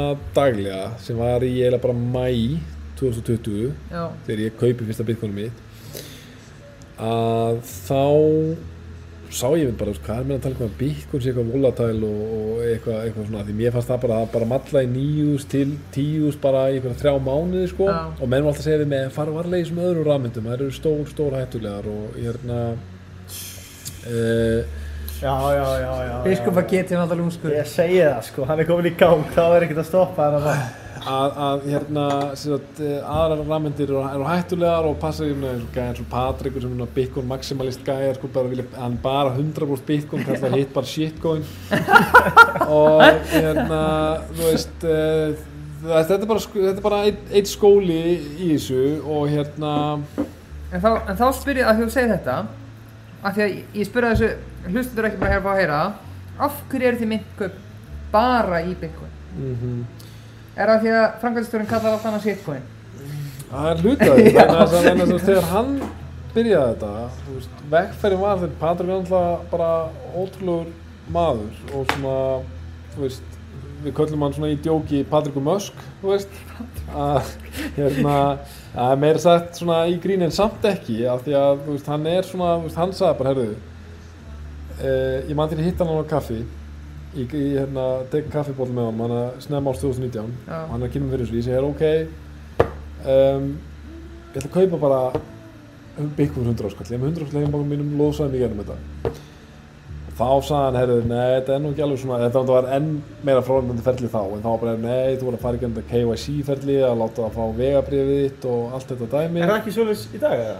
Jú, en... Ekki gegnum eh, myntkaup? Nei, ekki Ekki? gegnum, af því að, af því að, af því að, af því að, af því að á Íslandi þá er fullnægindi persónuðurkenningar rafræn skilríki þannig að með rafrænum skilríkjum og með því að svara spurningum sem uppfylla kröfur laga um peningafættum áralegkönnun þá er það orðin fullnægindi auðkenning og fullnægindi áralegkönnun Töff. um, af því við erum með þessi rafrænu skilríki Já. en út í heimi eru þau viðast hvar ekki og þá þarf fólk að senda annað mynda vegabrifi eða aukurskýrtinni um, en já, hann fór bara herru, þetta er bara ótækt Og, og í skjótinni og, og oftast líka sem er mjög pyrrandi staðfesting á heimilisfangi. Ó, já, og svo, þú veist, bara eru þeir mikið ískiluru hérna, að þeir eru alltaf að, þjónusta oft bara miljónir notenda þessi stóru fyrirtæki að þá tekur oft lengri tím og herru, við erum að, viljum fá staðfestingu á hérna uh, launasæla eða eitthvað slíkt skiluru á meðan þegar maður er með færri notendur eins og á Íslandi, veist, þá er, þú veist, e, yfirsýn og svona samskipti, þetta verður allt persónleira, þetta verður auðveldara. Eða hvort viltu fá e-mail Heru, reikningurinn hefur verið fristur frá einhverju kaupull í hérna, Kína Já. eða eitthvað sko, skiluru eða þú veist hjá íslenska miðlun sem er skráningarskildu og eftirlitskildu fjármælega þjóðinu og þú svona veist að þú hefur ekki til sakar unnið Já. að þá ætti að vera nokkuð auðvelt að um, fullnusta En sko ég, og þessi þáttur er ekki sponsorar á neitt af myndköpenni slíkt, það sem ég ætla að nefna fyrir mitt liti og ég fjárfæst í eh, alls konar hlutabriðum og sjóðum og annað, er að það er ekki til einfaldari fjárfæsting en að fjárfæsta í Bitcoin. Ja, þess, þetta er í raun, þetta er bara eins og millifæra sko bara í appinu í símanu sko, þetta er, já, og meiri segja sumum finnst þetta sko bara grunns, þetta er alveg svona skeri auðvelt sko, Mhm. af því þetta var svo frá eins og kjartan nefnir, svo fráhrindandi fyrir ekki svo lengur síðan og núna bara með einu smelli ertu komið Bitcoin sko, þetta er, og, Þetta er og, og, og, og, Er það að tala um beint af bankabók? Já þetta er bara, ef að kjartan kannski lýsir þessu ferli betur, þetta ferli er mjög einfalt og skilvirt sko. Einmitt, og það, það er kannski ágætt í nýtt tækifæri, það er nú gerist alls ekki oft hjá okkur, en það er einstaka ó, já, nei, ok, nei, já, nei, já, já, já það, það er einstaka sinnum sem það hefur gerst að fólk verist þáttur að við sko flöggum við í eins ábyrrandi á held ég þremur stöðum. Að þeir eru búin að leggja inn pening, millifæri pening Mm þá færðu efrur og þá auðvitað þarftu að kaupa. Já, já, þú var að Þú nefna þetta, er góða punktur. það er, það er nú ekki gerst oft hjá okkur en það hefur gerst að hérna Fólk heldur að þessu komið með bitcoinið. um leið og búin millifæra. Nei. og það er auðvitað ekki og við mættum ekkert gera það skilur. Það þarf að hérna e, þú veist, þú, þú, þú millifærir fær svo tölubóst, þegar bam, innborgun hefur afgrætt, þú komið efrur þá ef þú vilt, gera það fyrir að vilja vistu Já, að það er millifæra. Að þá kaupiru hérna Og hvað tekur það langan tíma fyrir það sem er að horfa? Uh, langflestar innborganir eru afgreitir innan við klukkutíma. Bara afgerandi eh, um leið innbrúm hefur afgreitt þá getur þú keift og selt bara á, á sekundu skilur á bara, hérna, bara, er bara mínúta. En það getur tekið alltaf þrjáta í þeim tilvikum þar sem, um, það hefur keift það mikið lagt það mikið peningur inn á. Að rauninni sá það fjármagn sem eh, miðlun er með á bakendan sem er Coinbase Já, það klárast þá þarf að býja til næsta virka dag það kemur spurning, er el- aldurstakmark á myndgöld? sko, spurning. Þetta einmitt. er frábær spurning, ég hef ekki pælt í þessu. Má maður kaupa í Bitcoin ef maður er yngan á? Já, Já. Þetta, þetta, þetta fellur ekki undir hérna, þetta fellur ekki undir sko eins og með, með verbref og, og hérna annað en við, ég samt er þar og það er svona hugsunin enn og almennt að veist, við bönnum það ekki skiluru og ef þetta er einhverjar minni áttar fjárhæðir skiluru þá, veist, en ég er svona að segi uh, ég hvet fólk sem er veist, við höfum ekki fengið einhvern sem er skilur undir 15 eða eitthvað sko og eh, skilur, og það er bara já. það er bara verið hérna, þetta er verið kannski 10 skall eða 20 skall, ok, en, en svona ef það kemur ykkur stóri innbúrgun við myndum vilja svona, hérna, já, ég, svona, í stuttumáli, ég, ég er ekki, Þú ert ekki, þú hrifin að því?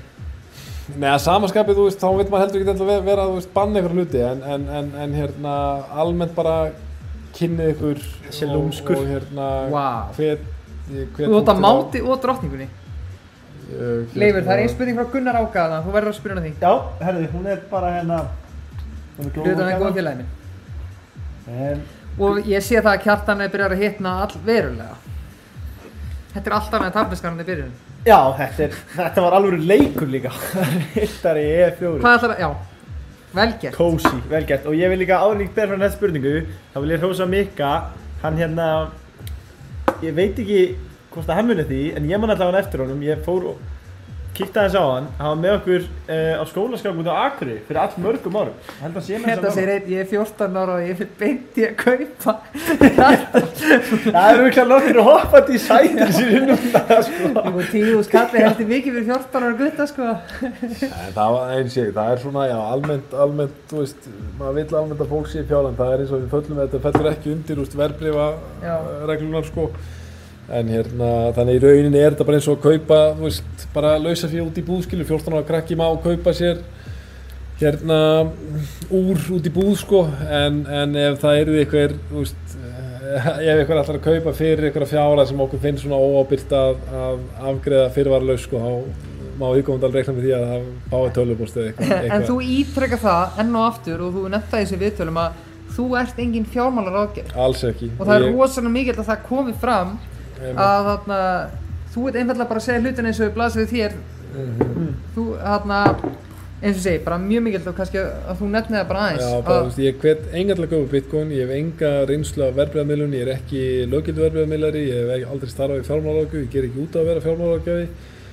Ég get auðvitað ekki, þú veist, eh, lengt því skilur að ég hef náttúrulega mína samverkar, annars væri ekki með minnsparnað í þessu, en, en, en ég hef haft fyrir mér áður og ekki síðast skipti og, veist, í rauninni er bara, hérna, að þeir líka annað sem ég segi til bara við vini mína, Já. segi ok, að þessum segja, veist, ég nenni ekki að kynna mér að þannig, ég veit bara að þú ert með þetta í þessu og ég ætla bara að fylgja þér aðeins í þessu. Ég segja, ok, um, hvað gerir þú svo þegar kemur 20% lækkun eða eitthvað, Já, skilur já, og já. þú ert ekki búin að kynna þetta neitt.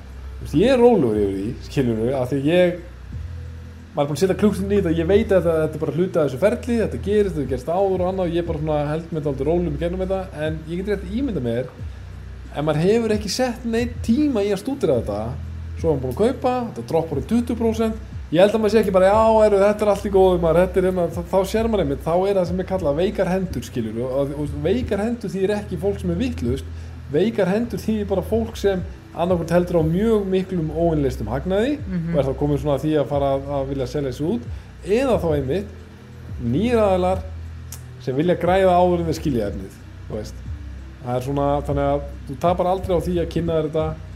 Ég sé hérna eina spurningu sem ég veit að ég finnst oft hafa vantað í að spyrja það að mm sem er í gegnum ekki bara myntkaup, heldur bara bit- bitcoin og það er, við ætlum ekki að tefla meira við hennan Þarna, og það er hvernig er þetta skattað? Einmitt. Og hérna kemur einn spurning bara hversu mikið skatt greiður eða selur um 10 ár? Þú persónulega?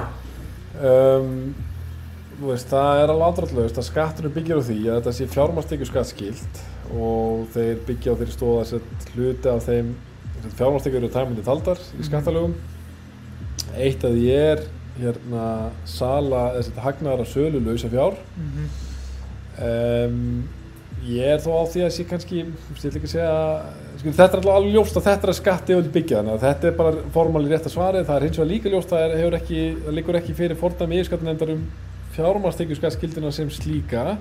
Það vísu er til fordæmi uh, um sem að það var aðalið sem taldi ekki fram og hann átti að gera um sekt en hann vann fullnaða sigur í því máli, fekk enga sekt af því að yfirskattunend sagði, herru, við vorum ekkert með fjallum það enga leiðbynningar eða neitt. Við erum ekki að fara að sekta mannin en að láta mann slæta og bara, en, en þeir byggja á fráfram á því Mhm. að hérna hann eigi að greiða fjármástingu skatt ok um, röki sem maður er sögð svona gegn þessu eru bara sem dæmi kaupið Rolex úr ok, af því að Bitcoin, e- Bitcoin hefur enga skilgrinningu lögum annað bara þetta er síndarfið það, er- það kemur fram í lögum peningafætti nummer 140.2018 Já, já, einmitt. en svo rýnir maður í hvað það hugtak þýðir og það er unni ekkert annað bara það, þetta er ekki rafeirir og þetta er ekki gjaldmiðl og þú veist, þá er ekkert annað og þetta er fjallað um þetta meðal annars á vettvangi alþingis að hérna þetta er bara lausafí Já, já, ok, ef þú kaupir Rolex úr já, og við vitum að Rolex úr halda ekki bara virðið sín heldur hækkaðu í verði Já. á hérna árlega um einhver prósent. Þeir eru- ekki gott stór og valjú hérna class. Og þú ert ekki að kaupa til að selja þetta. Þú er bara að kaupa þetta til að eiga Rolex úr. Já, já, já. en, en þú ert líka vissulega þú myndir ekki setja kannski 2 miljónir eitthvað í úr nema þú myndir vita hér þetta Þetta er verðmæti. þetta, er verðmæti sem heldur verðmæti sínu. Sérstaklega ef í harpakanslæðin og getur selt þetta. Já, svo selur þetta. Já, ekki í atvinnuskyni skilur heldur þú seldir þetta svo bara fjórum mánu síðar með 500 svona hagnaði, segjum það? Þú veist, þú keftir úr á Já, segjum já, já, segjum bara 2 já, miljónir já, og selja já. það svo 2,5 þetta er ekki fjármæð, þetta er ekki skattskildur atbyrður að þetta var hagnaðar að sullauðsa fjár ekki atvinnuskyni. En eru þetta bara spekulasjónið þér eða er ekki komið reynsla á hvernig klárlega, þetta er að segja, þetta eru rauk sem hafa verið tæld fram. Ok, það sem ég reyna að segja þetta að um, skattur er byggjur eitthvað fjármæð og að sjálfsögðu, bara svo það komið algjörlega skýrt fram. Þú ert ekki að hafna því að það eigi verið þannig. Nei, ég er ekki að hafna því og ég er líka, það sem er absolutt í að sjálfsögðu það eiga allir að telja fram sína rammyndaegnir eh, eins og voru í lokvers árs og hérna ef þú hefur eh, innleist hagnað eh, hérna af sölu rammynda þá áttu að sjálfsögðu að tilgruna það á skattrantalinu Já, en svo er annað mál, öllum er auðvitað frjálstæðir er ekki sáttur á niðurstöð sem skatturinn endanum kemst að að hérna þá er þetta challenge á niðurstöð, ég held að það væri mjög holdt sama hver niðurstöðan verður að annarkvæmt löggjöfin skerpa á þessu mhm, og ég veit að það stendur nú líklega til eða minnst þú er til skoðunar skulle ég segja. Og hitt ef, ef löggjöfin skerpir ekki á þessu þá minnst þú það liggi fyrir konkrétt fordæmi sem útskýri herru við sláum því föstu að hagnarsölu hérna rammynda er fjármálstíkurskatskildur og líka veist, það, er, ekki nóg að svara bara þeirri spurningu því að það er að svara hvernig veist, það er líka ákveðin útvæðslatrið um hvernig fjármálstíkju skatturinn hérna, virkar sko, Mhm. á, á, að, því, að því þetta er ekki veist, þetta er náttúrulega mjög vel og snirtilega og nákvæmt útvært í tilviki verbrið og hlutabriða sko já, Þannig að svona, en já, stuttasvarið er bara þetta stuttasvarið er bara þetta að þetta er fjármástíku skattskilt ég hef ekki Já. að, svara því. Uh, en, oh my nei, herðu, hvað er þetta? já, þú Hvað gerist ómikið, þetta var bara blö- blöndir ás Herru, en Leifur, vi, ég veit við erum með rándýra spurningar sem að En, en þetta er samt, gæti verið, frændi. gæti verið ánægilegt Sko það verður eftir er gamall. Pabbi Við höfum ekki nú oft náð að koma kúlbett vinningnum út sko. Nei, nei, Út af því að oftast er þeir sem er að mala okkur of ungir sko. En ef hann er raunverulegu pappi og frendi jafnvel þá gæti við, við koma honum út. Uh, en Leifur, það eru fleiri spurningar þarna sem, sem að hlustendur hérna, sendu sem við verðum að klára. Já, já, algjörlega. Um, Það er Gunnar Áki spyr og, og þessi er góð. Þetta er góð spurning, hlusta á hana. Á hvaða tímapunkti varstu sannfærður um ágæti bitcoin og hvernig keiftir þú þinn fyrsta coin?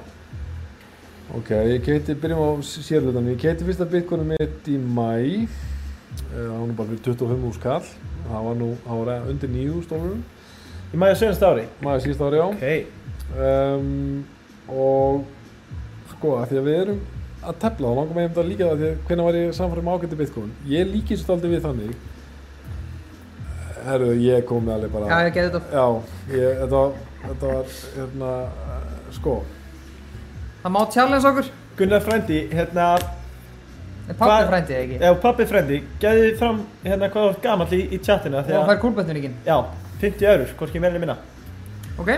að, þú veist, ok, þegar ég byrja að tala með Patrik um þetta þá er ég bara svona, ok, ég fekk þá staðfestingu á því, herru, þetta er greinlega dýbra konsept heldur en eitthvað tulipmania og hérna greitur fúlfyrir og bara eitthvað, eins og ég held að þetta væri en ég hugsaði, hann lítur samt að vera rámt fyrir sér þetta lítur, þú veist, Bitcoin gengur ekki upp, skiluru og það hann sagði bara, herru, sendi, hann sendi mér eitthvað nokkrar greinar og bókina Bitcoin standard og svona, ég er svona, ok.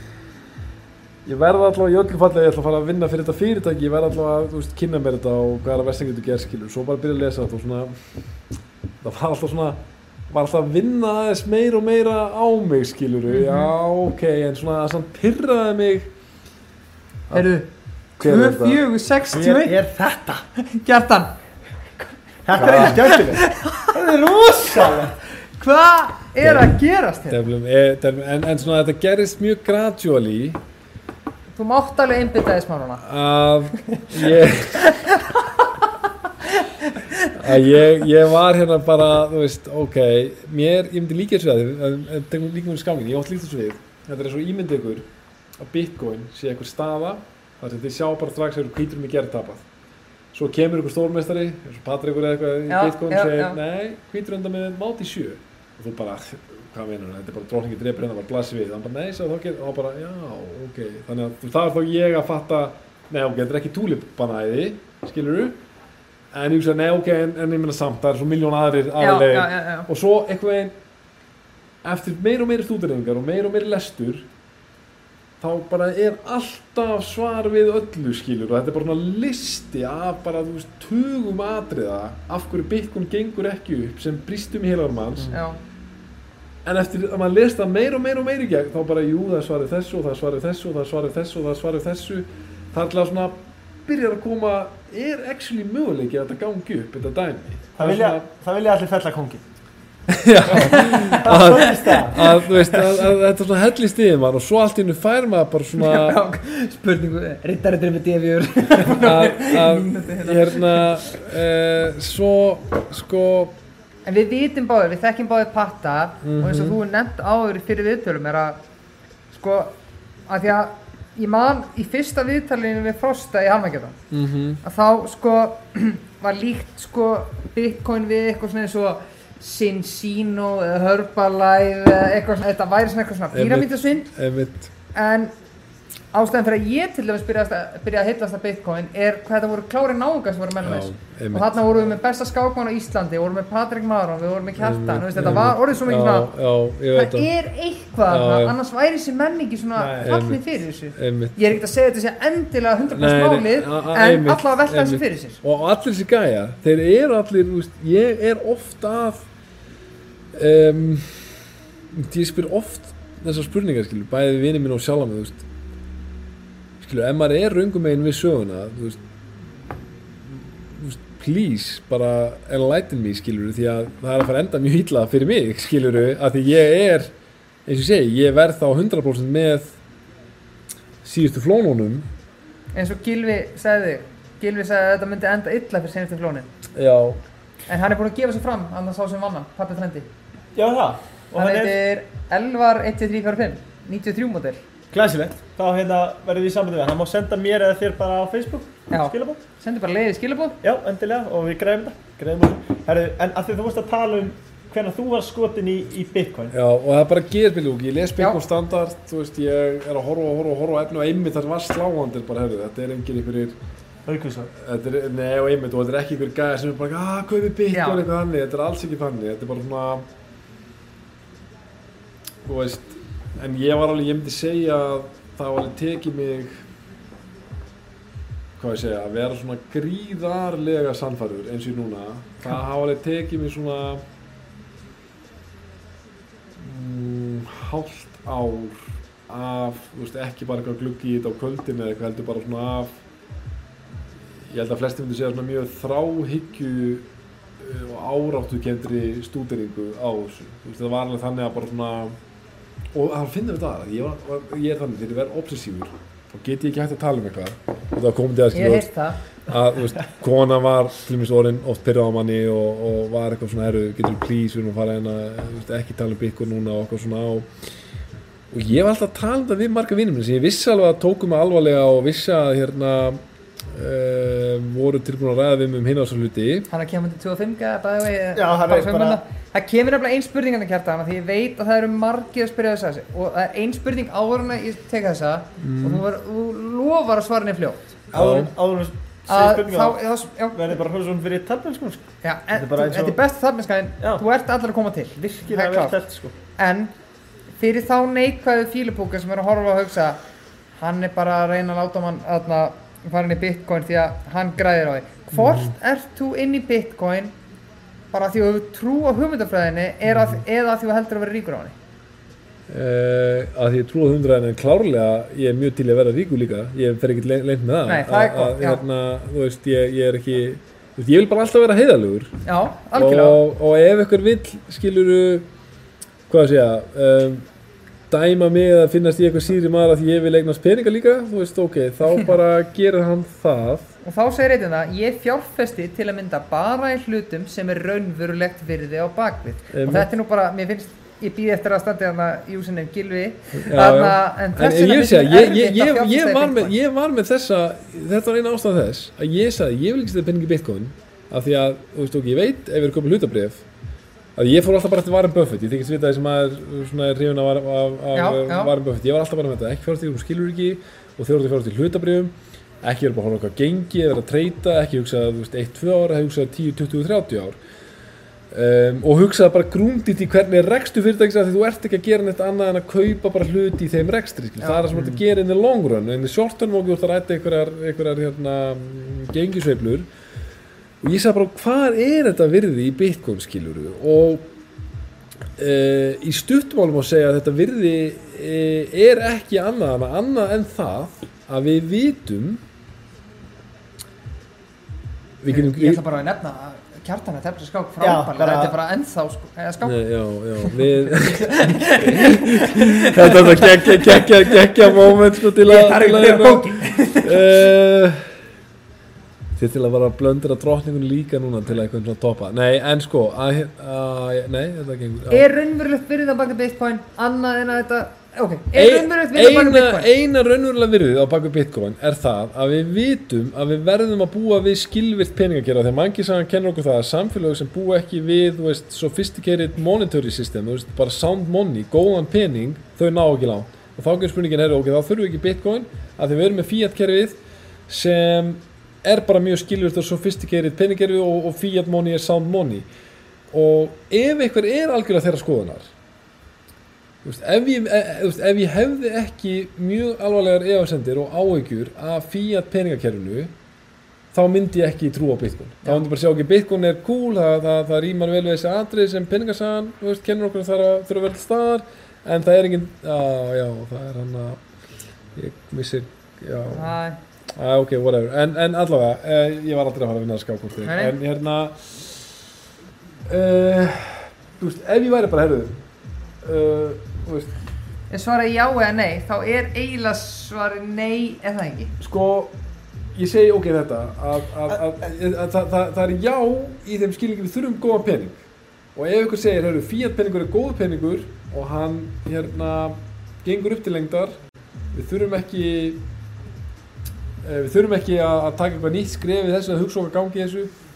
Þá getum við komið til að þegar Bitcoin verður aldrei neitt það verður aldrei neitt viti í þessu skilur en, en hérna, eh, ef maður trúir því að fiat peningakerfið e, þarf að minnstakosti, ég er ekki endilega að segja að Bitcoin muni taka yfir og verða bara replacea, bara skipta Fiat-kerfin út en að Fiat-kerfið þurfi allavega að hafa eitthvað solid svona hvað ég var að segja, hlýðar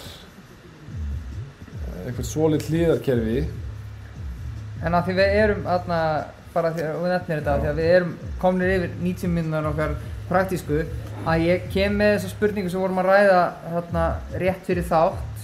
Mhm. bara svona að útskýri fólki þín sín á og svo kannski ekki með leiðu meina spurningu uh, best case scenario með bitcoin og worst case scenario eins og ser þetta fyrir núna í þeirri sögur sem, sem þetta er Ok, byrjum á worst case.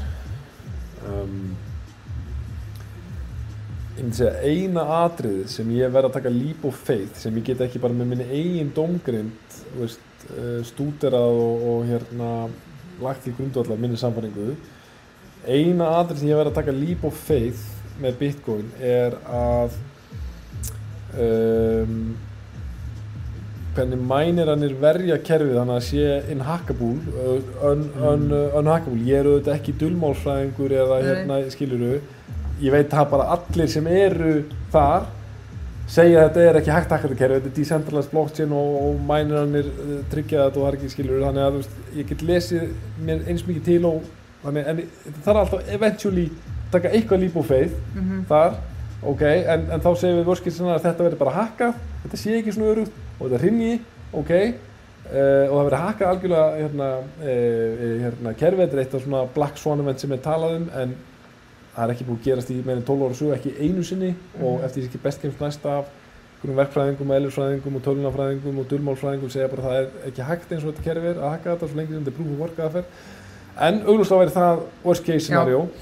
Um, ok, Best case. best case um, og hér þykist ég vita að þessi vera með að því þú veist eins og ég nefndi við mástu áðan er, ertu þá bara að sjá fyrir þér Að- bitcoin verði bara gjaldmiðl alheimsins Einmitt, eða verði einhver blanda við ég efnaðaskerfi er einhver veginn hrifnari kannski finnst þú rökréttari og raunhæfari að þetta sé bara svona solid asset class eins og gull nema stærra en í rauninni og náttúrulega virtual og digital og miklu dreifðara og breyðara eignarhald um, frekar enn að þetta taki yfir fíat peningakerfið. Og með þessu móti þá held ég að e, og tala ekki um með ýmsum lausnum sem mögulega félast í bálkakefi tækni eða ekki að þetta verði svona veit þessu fíatkerfi meira aðhald þannig að hluti sem við sjáum slumist 2008 þar sem bara skiluru uh, það var það auðvelt að búa til nýjan pening með gengdalösum lánum sem var engin innistæða fyrir skiluru uh, og eitthvað hlaut að springa. Ég, ætla, alls, ég vissi ekkert að það myndi gerast þá ekki frekar enn flestir nei, en, en veist,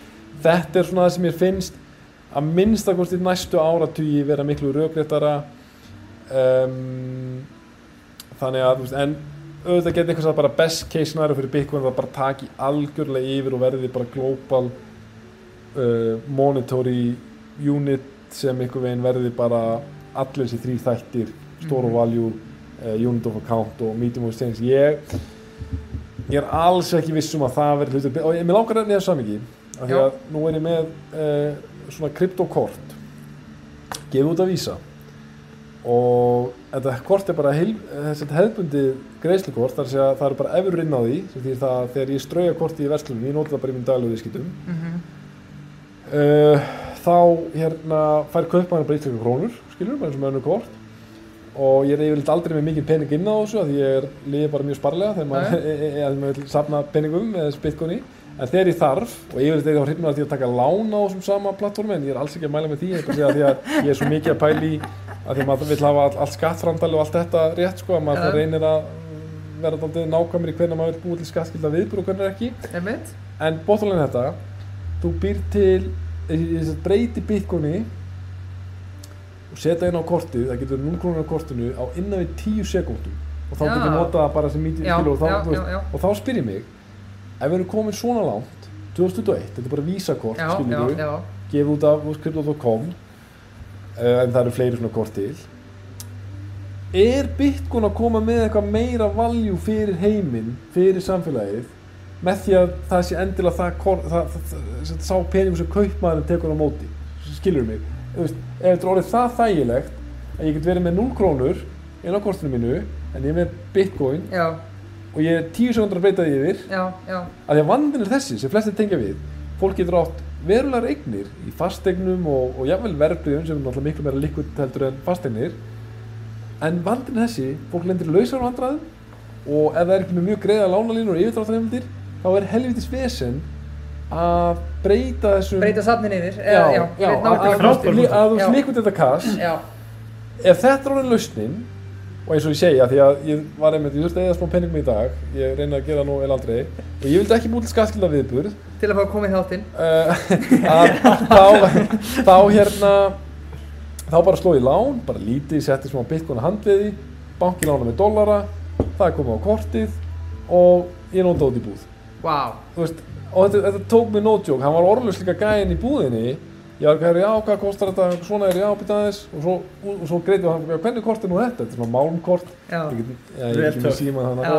en hérna, þannig að, veist, ég held að allavega til að byrja með, næstu áratuga áratugi, að þá um, þá er Bitcoin ekkit endilega eitthvað meira value þótt að verði medium of exchange, Nei. ég held að þakið sem það hefur sem stóra value er bara Og það er kannski stærsti miskilningurinn. algjörlega. Og það getur verið rétt að mögulega að því að maður les hvítbókina þú veist að hann kallar þetta vissulega electronic uh, cash system skiluru þannig að þú veist fólk vil lesi það, hann hafa verið að hugsa þetta sem hérna greiðslu miðil sko.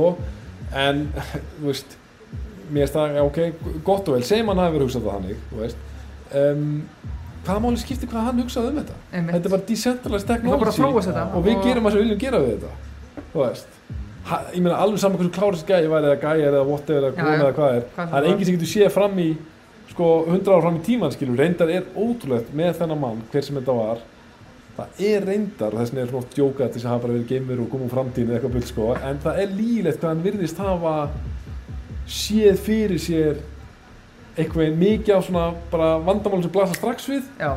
lausnum við þessu öllu í, í forriðinu sem er dálítið magna Leifur, loka spurning á kjartan á hann við segjum þetta gott í kvöld. Herri, mér fannst þetta bara í raun og veru frábært loka orð. Þetta var bara, við viljum þakka fyrir áhorið í kvöld. Já. Ég vona að þú hefur haft gaman að Ja, kjartan. þetta var rosalega gaman, ég sé líka að telda allt í lagi Ég var sumar hrikalegar en, en um, ég held að var tefnilega líka móti held í öflugum gæjum sko. Þú fekst allan skalan, Ég sko. fekk allan skalan en, en, en ég náði allavega nokkrum manna og ég náði einni, ég man ekki, var það ekki þessi sem var í rauninni allt í lagi Og þessi gæði með 2 og 5. Svona- 25, sko. Hún var allt í lagi, ég var enda, úst, ég, þetta var einu af þeim skákum eins og á móti í hjörvar eitthvað sem ég vissi að ég var aldrei að fara að vinna sko, ég var aldrei með betra en eitt slíkt sko, ég var bara svona, Þú helst þér inn í skáp. en ég held reist, Algjörlega. ég tapaði með reist Algjörlega. og, og hérna, já, Að meðan þú varst líka að tala allan tíman, sko. Á myndi 25 gæði er ekkert grín, sko. Og ekki var það nú vitlega svo. Nei. Nei. Þannig að, þetta er búið að vera frábært, frábært kvöld. já, er- er- takk kella fyrir að koma Já, hérna. takk hérlega Já, fyrir. bara mín og takk fyrir að bjóða mér, þetta er, Já. þetta er, þetta er skemmtilegasta beinútsendingin sem ég hef verið í. Er það ekki? Já, Já. takk fyrir það. Herru, hérna, Og það var nú alltaf verið skemmtilega, samt sko.